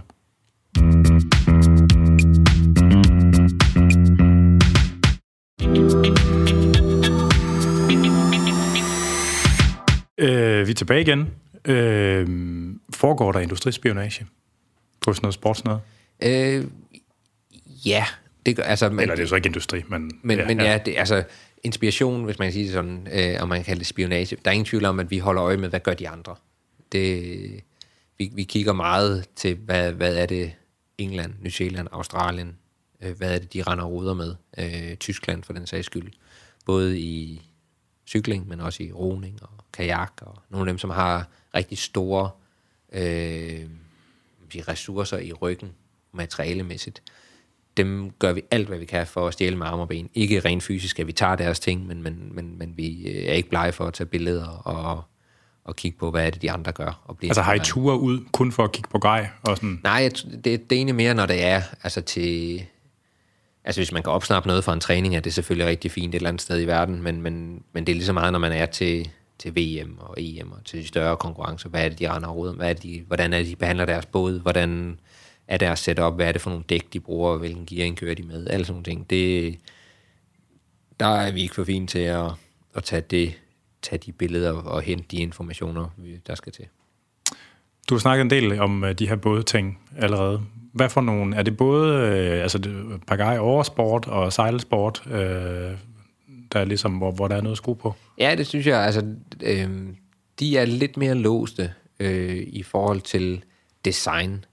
Øh, I sejlads, i olympiske bådklasser, der er øh, i nogle af øh, bådklasserne, der er blandt andet den som Anne-Marie Rendum, vores laser radialsejler. Øh, det er sådan en, de er alle sammen one design både, men, men for hendes vedkommende, der, der, er det, der står der en båd på kajen, når de kommer. Så trækker man lod, og så får du båd nummer 37, og så er det den, man sejler i. Bum. Yes. Og det vil sige, det er stand, standard sejl. Altså, så er det så måden, hvor man, den man rækker den til, så det vil sige, hvor meget man strammer de enkelte... Øh, der er jo rigtig mange steder, hvor man kan stramme sejl og bukke mast, og man kan lave forskellige øh, spændinger i, i sit udstyr. Det er så det, man rækker til selv, alt afhængig af efter temperament. Men, men, men selve sejl, mast og båd, den er ens. Er det noget, der falder sådan, er det noget, der er på dit skrivebord også, eller er det sådan noget sejler håndværksmæssigt, der ligger hos sejlsportstræneren? Øh, mest det sidste, altså det, det er dem, der har øh, sejlkundskaberne, dem som er dygtige til sejler, og der er en rigtig meget fornemmelse i det, og, og, og tilpasning, sådan den der følelsen med, med, med elementet, det at være på vandet, følelsen med, hvordan det føles, når der kommer bølger og vind, og det at kunne, kunne trække de forskellige snore og vanter, hvad der nu er af, af, ja. af, af ting der. Det, der øh, er, som vi synes er potentielt set, kan være problematisk, det er, at i og med, at det stadigvæk er et one-design, så det vil sige, øh, i øh, den, der hedder 49er-klassen, eller den, der hedder Nakra, Nakra, det, det er vores, det er sådan en katamaran, øh, så det vil sige, det er sådan, den har to, punkt, øh, to flydedele, og så øh, en, en midterdel, sådan en trampolin, og så har man en mast. Øh, og det er så også sådan et, øh, der kommer man med sin egen båd, men man kan kun købe den et sted. Og det vil sige, man alle køber den samme båd. Men ja. en mast, stivheden i en mast, så det vil sige, hvordan den reagerer, når den bliver udsat for vind, hvor meget den bøjer, hvor meget den svirper tilbage igen. Øh, der kan man sige, at alle maste er ens. Men vi kan bare se, at når vi køber fem ens maste, så er der forskel på dem. Så er de ikke ens. Hvad, hvad, hvad er de lavet af? Det er øh, kulfiber, altså carbon. Huh. Og carbon er en blanding af, man har nogle fiber, og så har man en lim. Altså det, det man kalder for resin. Så det er sådan nogle måden, hvormed det bliver flettet. Det er sådan en, en man ligner sådan en måtte, man fletter, så man fletter fiberne sammen. Carbonfiber er kun stærke i en retning, så det er trækretningen. Så det er meget vigtigt, hvormed Øh, carbon er ikke bare carbon. Hele videnskaben i carbon ligger i, hvordan carbonfiberne bliver flettet sammen og bliver limet. Øhm, og det er noget, der bliver gjort ikke nødvendigvis håndlavet, men, men, men det er måden, hvormed det bliver limet og flettet, og der er bare variationer. Og de variationer kan vi så måle os frem til. Vi kan købe fem ens maste, men de fem ens maste kan sagtens have forskellige både statiske og dynamiske egenskaber. Så det vil sige, hvordan de udbøjer. Så hvis vi tager øh, en sådan klassisk udbøjningstest, hvor man øh, lægger en mast op på nogle, en, sådan nogle, bo, nogle bukke, sådan nogle bordbukke-agtige, og hænger en vægt midt på masten, så burde den, hvis den var ens, så hvis man hænger 40 kilo midt på masten, så, øh, øh, så burde den bøje lige meget ud. Så det er sådan den statiske del. Der kan vi godt have to, altså der kan vi godt have forskellighed i, hvordan den rent statisk udbøjer. Og det er noget, man sådan kan se med det blotte øje, simpelthen? Ja, det kan, det kan man måle sig fra. Det er måske en millimeter eller to millimeter, men det er stadigvæk en forskel i, hvordan den rent statisk opfører sig, når den bliver påført vægt midt på. Ja. Så er der, øh, kan man også godt have flere maste, som er statisk ens, så det vil sige, de udbøjer lige meget, når man hænger 40 kilo eller 50 kilo midt på masten, så udbøjer de lige meget. Men når de så kommer ud, og man begynder at øh, få dem til at bevæge sig, så laver svingninger i masten, så kan den godt have forskellige dynamiske egenskaber, så hvor meget den svirper tilbage i vinden. Og, og det vil sige, at man kan godt have en stiv mast og en blød mast, og man, en, der er lidt blød i toppen, men, men stiv for neden. Og, men, men i princippet, så har man købt fem fuldstændig ens maste. Og derfor der kan man sige, charmen ved, at man laver et one-design, er jo en eller anden sted meget sympatisk, og i, i takt med den olympiske ånd, at alle skal være lige, og, ja, ja, ja. og alle de gode ting.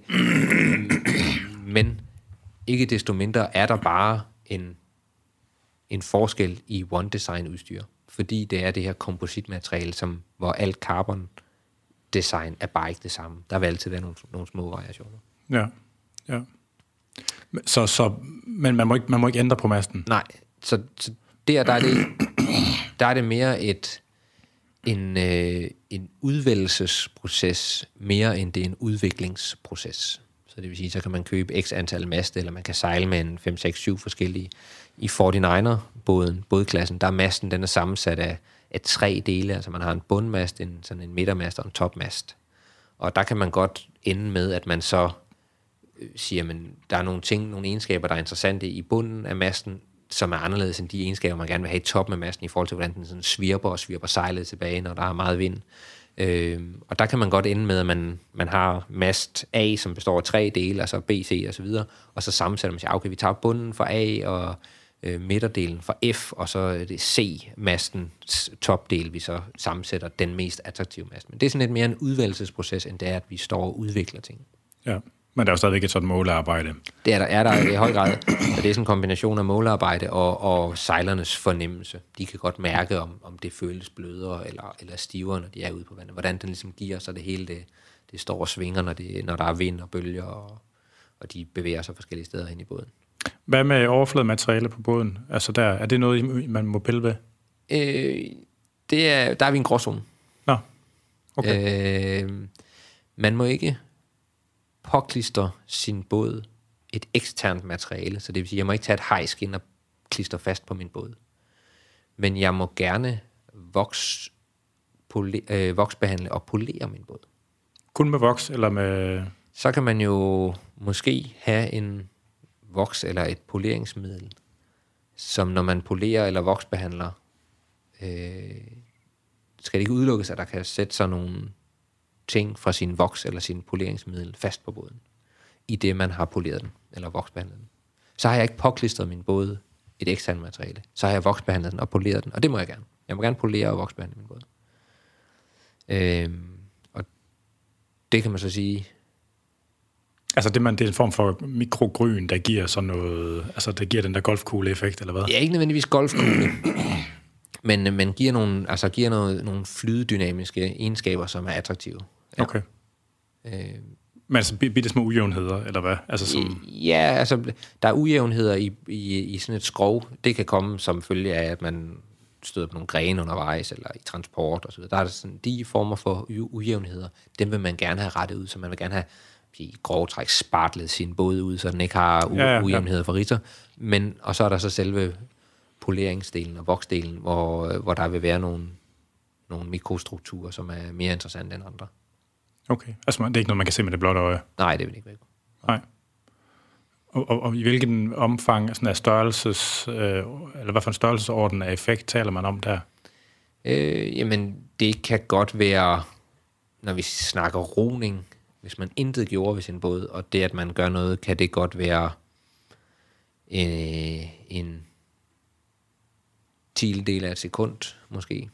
Okay. Og man sige, de roer med cirka 5 meter i sekundet, så 5 meter i sekundet, en tiendedel af 5 meter per sekund, jamen, så er vi nede i måske en halv meter på målstregen. Ja. Og en halv meter målstregen, der når vi snakker målfoto, så bliver det jo nogle gange afgjort på centimeter. Altså målfoto er jo helt dernede, så en halv ja. meter, en halv meter er, er, er meget i, i roning eller kajak eller sejlads kan det også være det, der gør, at men når man går ned mod øh, toppunkt, eller det, hvor man skal vende punktet, hvor man vender rundt om en, en bøje på, på banen. Hvis man bare har en halv meter foran de andre, kan være det, der gør, at man de andre må vige, og man får første drejning rundt om, ja. eller første vending, første bumning rundt om. Hvad med, har vi nogle skisportsfolk, der er på Team Danmark støtter nu egentlig? Altså der kunne nogle af de samme ting måske være i spil? Øh, ja, vi har, vi har ikke nogen... vi har ikke nogen, der er nu, på nuværende tidspunkt, der har et niveau, der gør, at, at det er noget, vi kigger efter. Men ja. Det vil være noget af det samme, eller hvad? Det vil være, ja, i princippet, der kan man sige, der det norske ski forbund har jo smørfolk, der hele den der smøring af skien har jo været meget, øh, øh, har været meget polemik med. Øh, så ja, det kan man sige, man smører også sin båd, eller man polerer den i hvert fald. Ja, ja. Øh, og pagajer. Er der, ja. hvor, hvor meget må man skrue på det? Øh, der er egentlig rimelig øh, frie, øh, fri leg, men, men de er der, hvor de skal være. Man kan godt øh, kigge på... Så det er optimeret, det er det, du siger? Ja, de er, de er rimelig optimeret. Man må ikke sætte sådan nogle flancher på, eller sådan nogle, ligesom nogle vinger på åren, som, hvor åren kan bevæge sig ind i. Så hvis man havde en eller anden form for et hylster, som var aerodynamisk, hvor åren kunne bevæge sig ind i, så vil man gøre det, men det må man ikke. Altså hvis man påsætter, hvis man sætter noget fast på Nå, åren... i hele, i hele længden? I hele længden, ja. ja okay, det, som hænger frit ud i, i, i vinden. Så, så åren er, er, er faktisk relativt lang og hænger øh, frit eksponeret i vinden øh, på siden af båden. Øh, der må man gerne sætte noget fast på sin åre, men det skal bevæge sig sammen med åren. Ja, Og i og med, at åren den bliver, den bliver sat i vandet på en måde, man har bladene, der ligesom går mere eller mindre 90 grader ned i vandet, så man har noget at trække med. I det øjeblik, de kommer op, og de skal tilbage igen, så vil man vende sin åre, så man ikke har bladet direkte i vinden. Så man har ligesom sådan en, altså man skiver ligesom sin åre, og så vender man den 90 grader. Og derfor der, det, der, der vil være attraktivt på den ene del på de man kan sige 90 grader på åren. I det øjeblik, man vender den om, så vil det ikke være attraktivt længere. Nej, nej. Så, så hvis man til gengæld kunne få åren til at bevæge sig ind i sådan en hylster, som uanset hvordan man skiver sin åre, så, så vil det være attraktivt. Så, men det må man ikke. Nej. Og det er der en årsag til. blander, i, øh, altså, blander du der nogen, eller får, eller får du lov til at blande dig i folks fodtøj? Øh, Sådan i løbe, sprinte, springe, sportsgren? Øh, ja, ja, det gør. Øh, jeg tror også, min rolle, der tror jeg, det med at, øh, man sige, øh, at blande... øh, Jeg, jeg bestemmer aldrig noget som helst, heldigvis, eller desværre. Jeg er, øh, jeg er jo landstrænerens mand, eller atletens mand, forstået på den måde, at jeg kan kun supportere, og jeg kan give gode råd. Så jeg er en rådgivende ingeniør. Øh, valget ligger hos dem. Jeg bestemmer aldrig, at, at du skal køre i det, eller at du skal løbe det. Jeg kan bare komme og sige til dem rent faktuelt eller objektivt, ud fra det, der bliver målt, at hvis du kører med den her hjelm i forhold til, at du kører med den her hjelm, så er det sådan og sådan. Lige så vel som hvis du løber i de her sko i forhold til dem. Så, så, så valget er i sidste ende atleten og landstræner. De vælger udstyr, sko, hjelm, dragt, cykler, hele balladen. Det kommer til. Min rolle er ikke at bestemme. Min rolle er bare og er at, at give den de bedste, hvad man siger, objektive, og, altså den, den, de bedste forudsætninger for at tage gode beslutninger. Rådgivende ingeniør på sportens byggeplads. Det kan man godt sige, ja. Hvor- Hvordan er processen omkring det sådan i praksis? Er det, er det, er det øh, træneren, der kommer og siger, hey, hvad kan vi skrue på her? Eller dig, der sidder og nørkler og opdager ved tilfælde og ringer ud til træneren og siger, har I, har, skruer I på det her? Fordi jeg tror, der er noget at skrue på, der er værd at komme efter. Ja, Eller hvordan, hvordan er den organisatoriske sådan, proces omkring Det, det? det, går begge, altså det går begge veje. Okay. Det gør det. Øh, de ved, at jeg findes, og, og der er rigtig mange, der har mange idéer. Øh, så det, det er en, en, en, en ligeværdig dialog. Altså, en landstræner for mit vedkommende så meget en kollega, forstået på den måde, vi, vi gør begge, de har et, måske lidt mere sådan den her træningsdel i forhold til, hvordan atleten performer, og årsjul og alt muligt. Og, og jeg er et, en hjælpe, øh, altså en supporter i forhold til at få atleten bedst stillet til et OL eller til et VM, lige så vel som man har fysiske trænere, diætister og psykologer osv., så, videre. så er jeg en, nogen, der hjælper dem på vej. Så, så hvis landstrænerne har nogle idéer, så vender vi det, og hvis jeg har nogle idéer, vender jeg dem med land. Så der er egentlig ret tæt, altså jeg er i, i jeg vil ikke sige daglig, men altså jeg er lige direkte i daglig kontakt med vores landstræner i forhold til, hvis der opstår et eller andet, hvis de går med nogle tanker om noget, så, så ringer de direkte til mig og siger, hvad, hvad tænker du om det? Eller omvendt, hvis jeg går eller opsnapper noget, eller ser noget, eller ser, at ude på inden for aerodynamik, der rører der sig det her, er det noget, vi skal kigge på, jamen så er der en, en, en direkte dialog. Ja. Øh, på vej herind, der tænkte jeg på en ting, som der måtte være en masse mekanik i. Øh, stangspring, stangspringsstænger. Ja, Er det, er, nu ved jeg ikke engang, om vi har nogen øh, vi har ikke, stangspringer. vi har på ikke det. nogen øh, på nuværende tidspunkt. Er det noget, som man må, man må skrue på, eller på pille ved? Jeg, jeg har faktisk ikke, øh, stangspring har vi ikke i, i min tid i, i, øh, i Team Danmark, har vi ikke haft nogen atleter, der, der performer på et niveau, hvor, hvor jeg kan øh, afsætte ressourcer. Jeg, jeg er jo min egen lille øh, enhed her i, i, i, i foretagende, så, så jeg skal jo sørge for at, at hjælpe der, hvor det giver allermest mening. Så jeg er jo så privilegeret, at, at jeg typisk ofte ser atleterne, når de er rigtig dygtige. Ja. Så der er mange andre ting, man kan skrue på, øh, før at vi skal kigge på øh, stangen i stangspring. Altså der er, Ja. altså, Og Jeg sad bare og tænkte på, hvad for nogle ting, der var meget mekanik i. Det er jo meget og der, mekanik der, og der er rigtig mange sportsgrene, vi kunne, vi kunne dykke ned i, men, men hvor vi simpelthen øh, vi, vi skal, i og med at ressourcen er, er relativt begrænset, så, øh, så bliver vi nødt til at, at kigge på, hvordan kan vi flytte dem, der i forvejen er virkelig, virkelig dygtige. Hvordan kan vi gøre dem lige en takt bedre, end at vi begynder at rode med nogle atleter, som, og deres udstyr, som måske kan flytte dem fra en, lad os sige, 18. plads til en 16. plads i verden. Det er ikke der, vi er. Øh, det er vigtigere for os at have forudsætningerne på plads for dem, som er dygtige. Og det er så ren prioritering. Det er ikke, fordi vi ikke vil alle de andre. Nej, nej, nej. nej. Øh, tværtimod, vi, der er rigtig mange ting, der kunne være rigtig spændende. Blandt andet stangspring. Men, men, øh, men, men, men vi skal simpelthen prøve at, at fordele ressourcerne derhen, hvor, hvor der er størst medaljepotentiale. Ja. Øhm, så, så er der det her med, du snakker med målatleten. Der findes jo Altså, øh, det, det er jo virkelig, virkelig et sted, hvor der er sådan en hel industri omkring at få atleter til at føle, at de går glip af et eller andet meget vigtigt, hvis ikke de køber denne eller hin dems til at måle et eller andet. Ja. Det vil jeg gerne høre din mening om. Altså, vi har snakket telefon om det her før, og vi kan bare starte... Altså, vi gerne, altså det der med at lave sådan noget accelerometri-baseret måling af energiomsætning, den ja. siger vi, det er noget skrald. Det behøver vi ikke bruge mere krudt på det samme ja. puls, medmindre det er sådan en krankmåler dems, ikke? Ja, så når du tænker på power, altså på... Ja, ja. Power. Ja, altså cykling er øh, har et, et rigtig fint, øh, rimeligt nøjagtigt øh, udstyr til at måle deres effekt, altså poweren, hvor mange watt de træder. Det er et godt udstyr. Men i alle andre sammenhænge? Så... Der er det, der er der, der er det begrænset, øh, hvor meget man, igen, fordi vi, jeg tror for, for den gængse motionist kan der godt, måske godt være noget i det, at man siger, der er noget med noget mængde, eller hvor lang tid var jeg i gang med at gøre sådan og sådan. Men, men, men her der er vi ude og lede efter, at vi fintuner helt ude på, på marginaler, altså vi er ude, og, og der skal man have noget udstyr, der kan detektere forskellene fra den ene dag til den anden, eller fra den ene træningsblok til den næste træningsblok, og, og der skal man kunne stole på det udstyr, ellers risikerer man, at, ja, at man tager nogle beslutninger på baggrund af noget data, som, som simpelthen ikke er, er i orden, eller som ikke er, er repræsentativt for det, der rent faktisk er foregået. Ja, men altså, det, det er sådan, når man, når man får, altså jeg bliver ramt af de reklamer på Facebook, de bliver også i tale sat, som om det gør en forskel, om man, altså det, at man måske kan bestemme med 1% større nøjagtighed, hvad for en intensitet man er på, den objektive intensitet, ikke? Ja.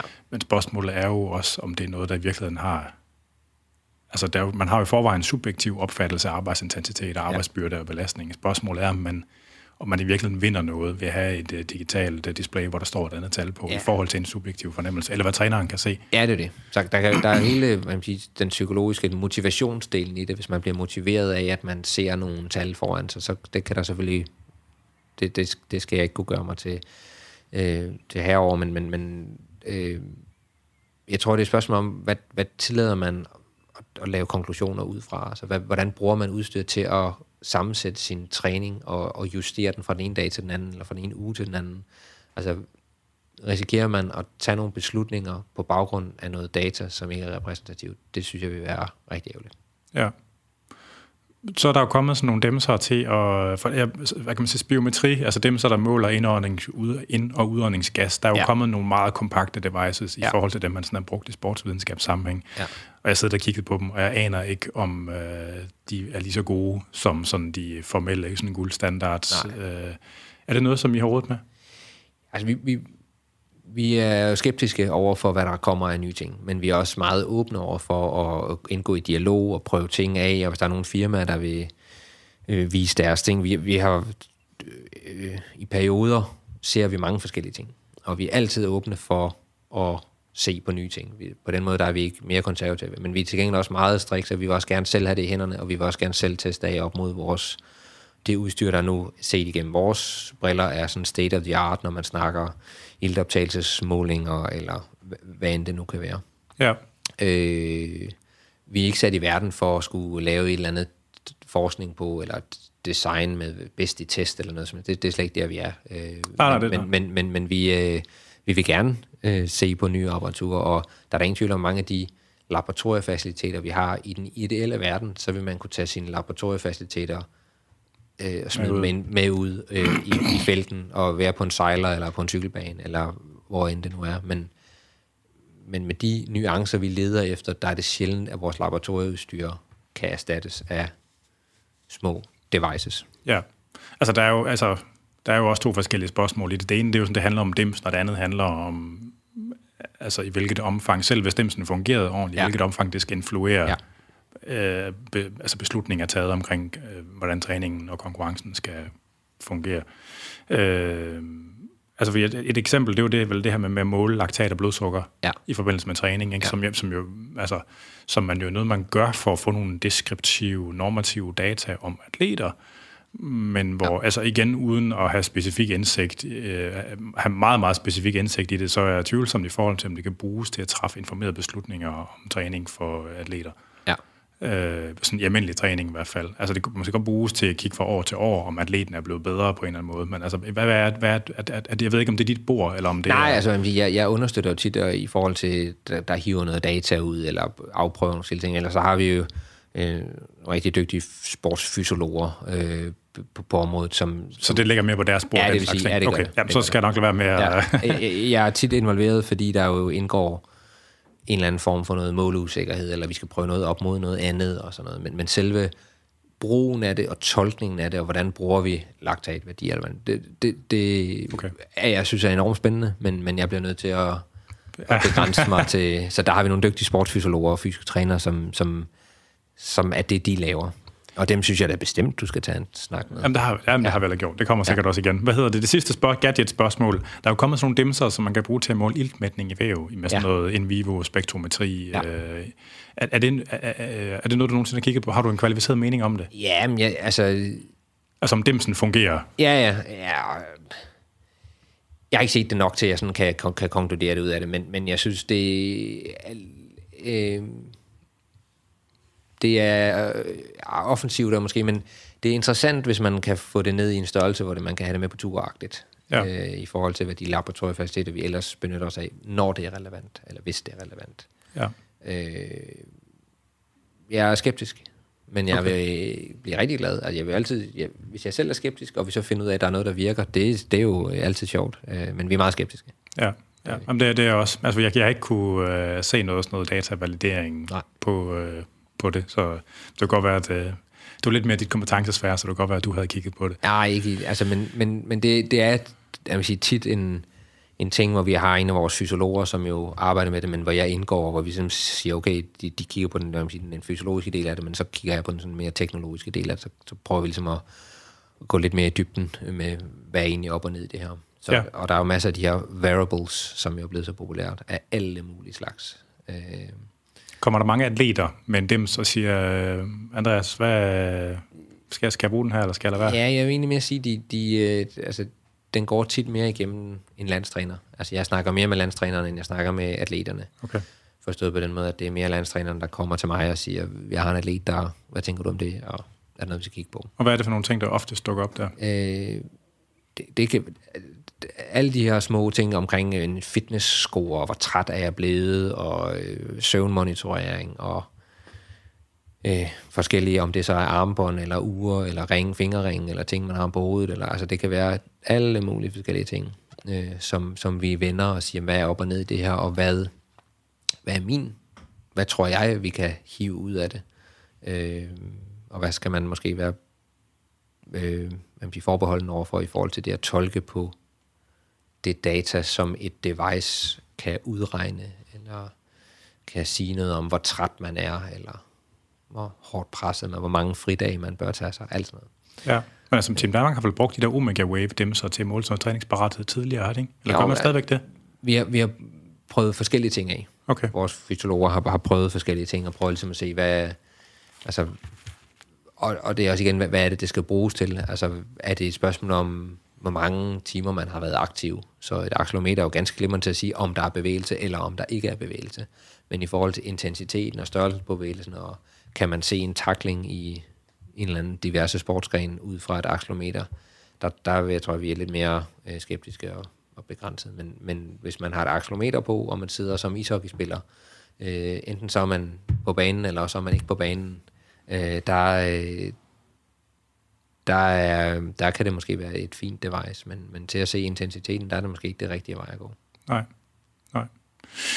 Øh, så har jeg sådan lidt mere, vi er ved at nærme slutningen, hvad hedder det, jeg, jeg ved, du sagde, hvor lang tid du har reserveret ja. lokale og sådan noget, hvad hedder det, øh, hvad, altså, hvad er det, findes der sådan overordnet policy omkring, hvor tæt på stregen man vil gå, og der er jo det, man, der er jo både, altså, sådan, du talte om den olympiske ånd tidligere, ja. og nogle af tingene er jo sådan, ikke i 100% overensstemmelse med den olympiske ånd. Og jeg ved, for altså sådan på sportsernæringsområdet, som jeg beskæftiget mig en del med, har Team Danmark jo haft lidt et ry for at være en lille smule reaktionær tidligere i hvert fald. Ja. Det virker som om, at det er blevet sådan lidt mere progressivt. Ja. Øh, hvordan, hvordan er din oplevelse af den policy, og er det, og er det sådan afstemt på tværs af de forskellige domæner, der påvirker øh, præstationsevnen?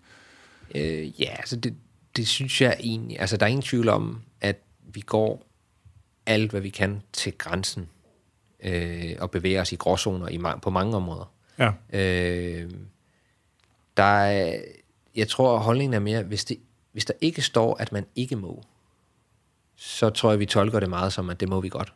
Ja.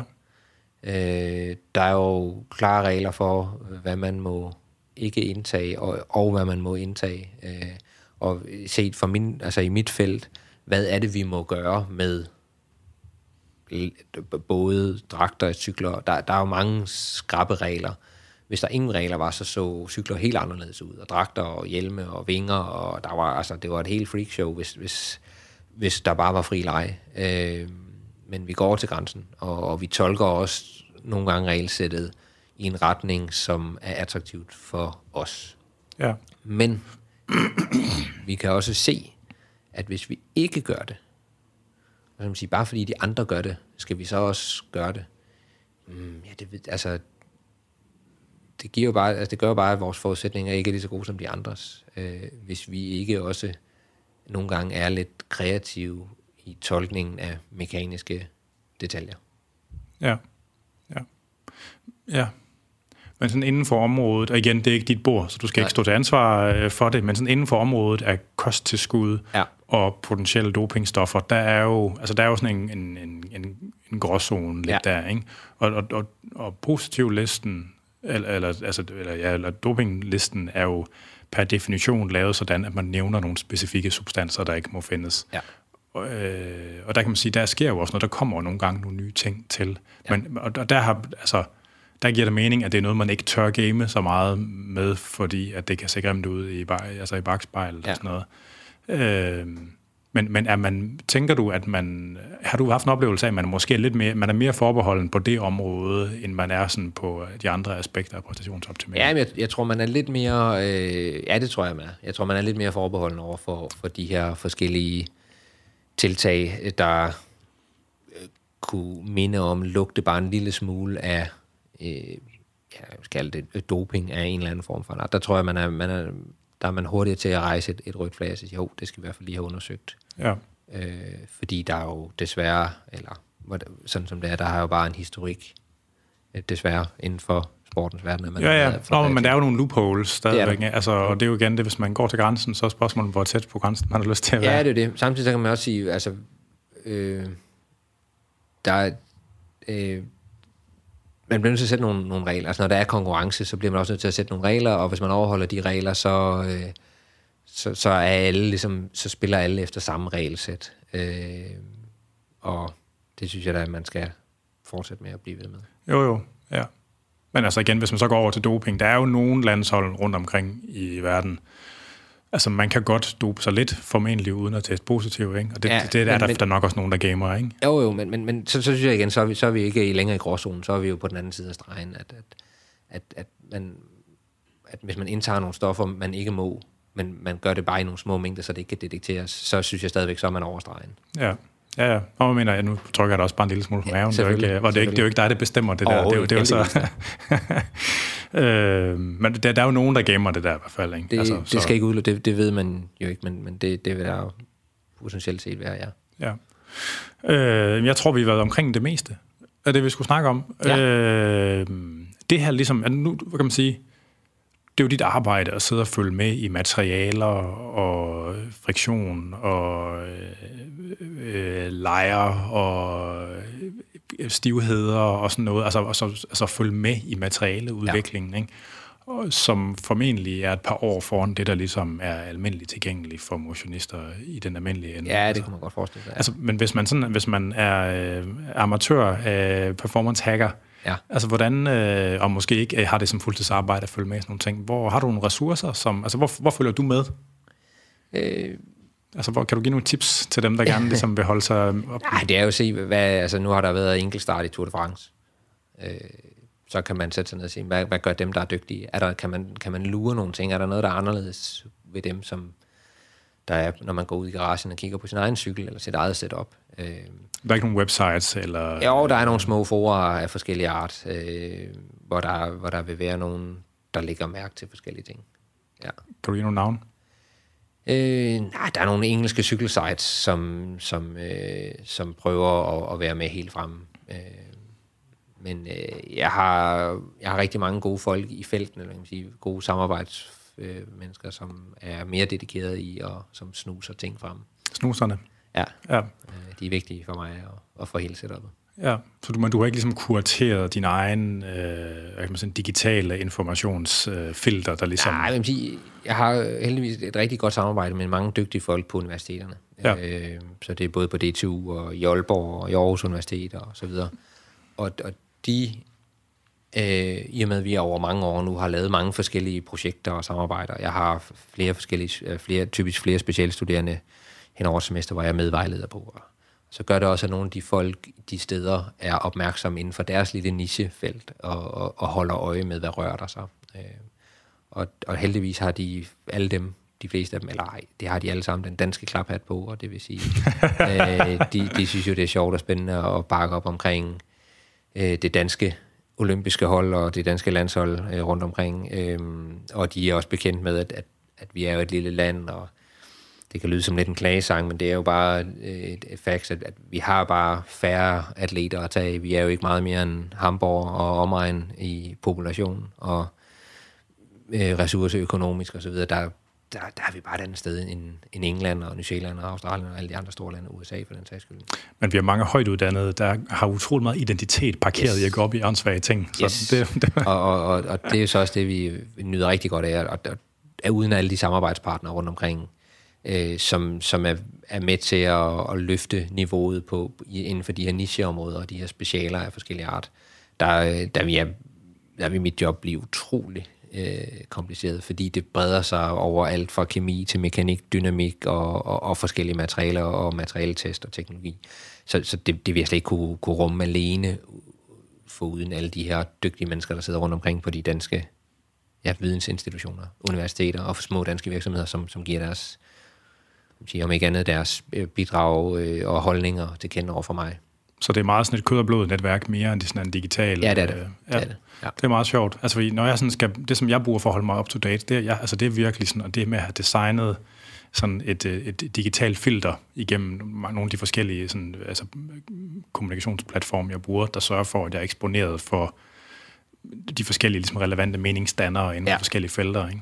Øh, Der, der er over, over de sidste par år, er der, der er forskellige netværk, altså Internationalt uh, Society of uh, Mechanical Engineering in Sports. Der findes forskellige sådan nogle videnskabelige selskaber. videnskabelige selskaber. Ja, ja. Altså, øh, og, øh, men igen, øh, som det er med alt andet, øh, når man snakker elitesport og forskning, øh, når jeg samarbejder med universitetet, hvilket jeg rigtig gerne vil, øh, så universitetet, de lever af at fortælle hele verden, hvad det er, de laver. Jeg lever af ikke at fortælle nogen som helst om, hvad det er, jeg render og laver. Ja. Øh, og, og der skal man jo finde den bedste løsning ja. Øh, så man så alle altså så universiteter får siger, den vare de nu skal og de skal publicere og de skal fortælle om hvad de laver det er en del af det at være et universitet og jeg skal jo prøve at holde på vores små øh, fordele og hemmeligheder og, og, og de små gains eller de små attraktive forudsætninger øh, og og fordele vi kan få i konkurrence skal jeg jo også prøve at, at holde øh, for os selv ja. En lille smule skæg og blå briller. ja en lille smule ja. Ja. Tak fordi jeg måtte besøge dig. Vil du give dit fulde navn, og hvor man kan følge med i dig og dit arbejde, hvis du har sådan et sted, man gør det? Øh. Eller, hvis, eller skal det, er, det, er det hemmeligt, eller er det bare Team Danmark? Eller et stort Q. ja. øh, nej, Andreas Torp Adler, jeg er tilgængelig inde på Team Danmarks hjemmeside, hvor man kan finde de oplysninger, der, hvis man vil have fat i mig. Ja, fedt. Tak fordi jeg måtte besøge dig. Velkommen. Du har lyttet til Fitness MK. Jeg hedder Anders Nedergaard, og du har lyttet med til den her og de andre episoder af Fitness MK via stream og podcast. Man kan streame det inden fra andersnedergaard.dk eller fra Spreaker, og man kan podcasten fra alle de store podcasttjenester. Husk på, at de gamle afsnit fra det 24-7-tiden, de er stadigvæk at finde, det, og det er et andet podcast feed, podcast feed, der kun findes på Podimo og den nye 24-7-app. Programmet er produceret af Jonas Pedersen, og hvis man skal skrive ind til os, så kan man gøre det på afn eller på programmets Instagram eller Facebook.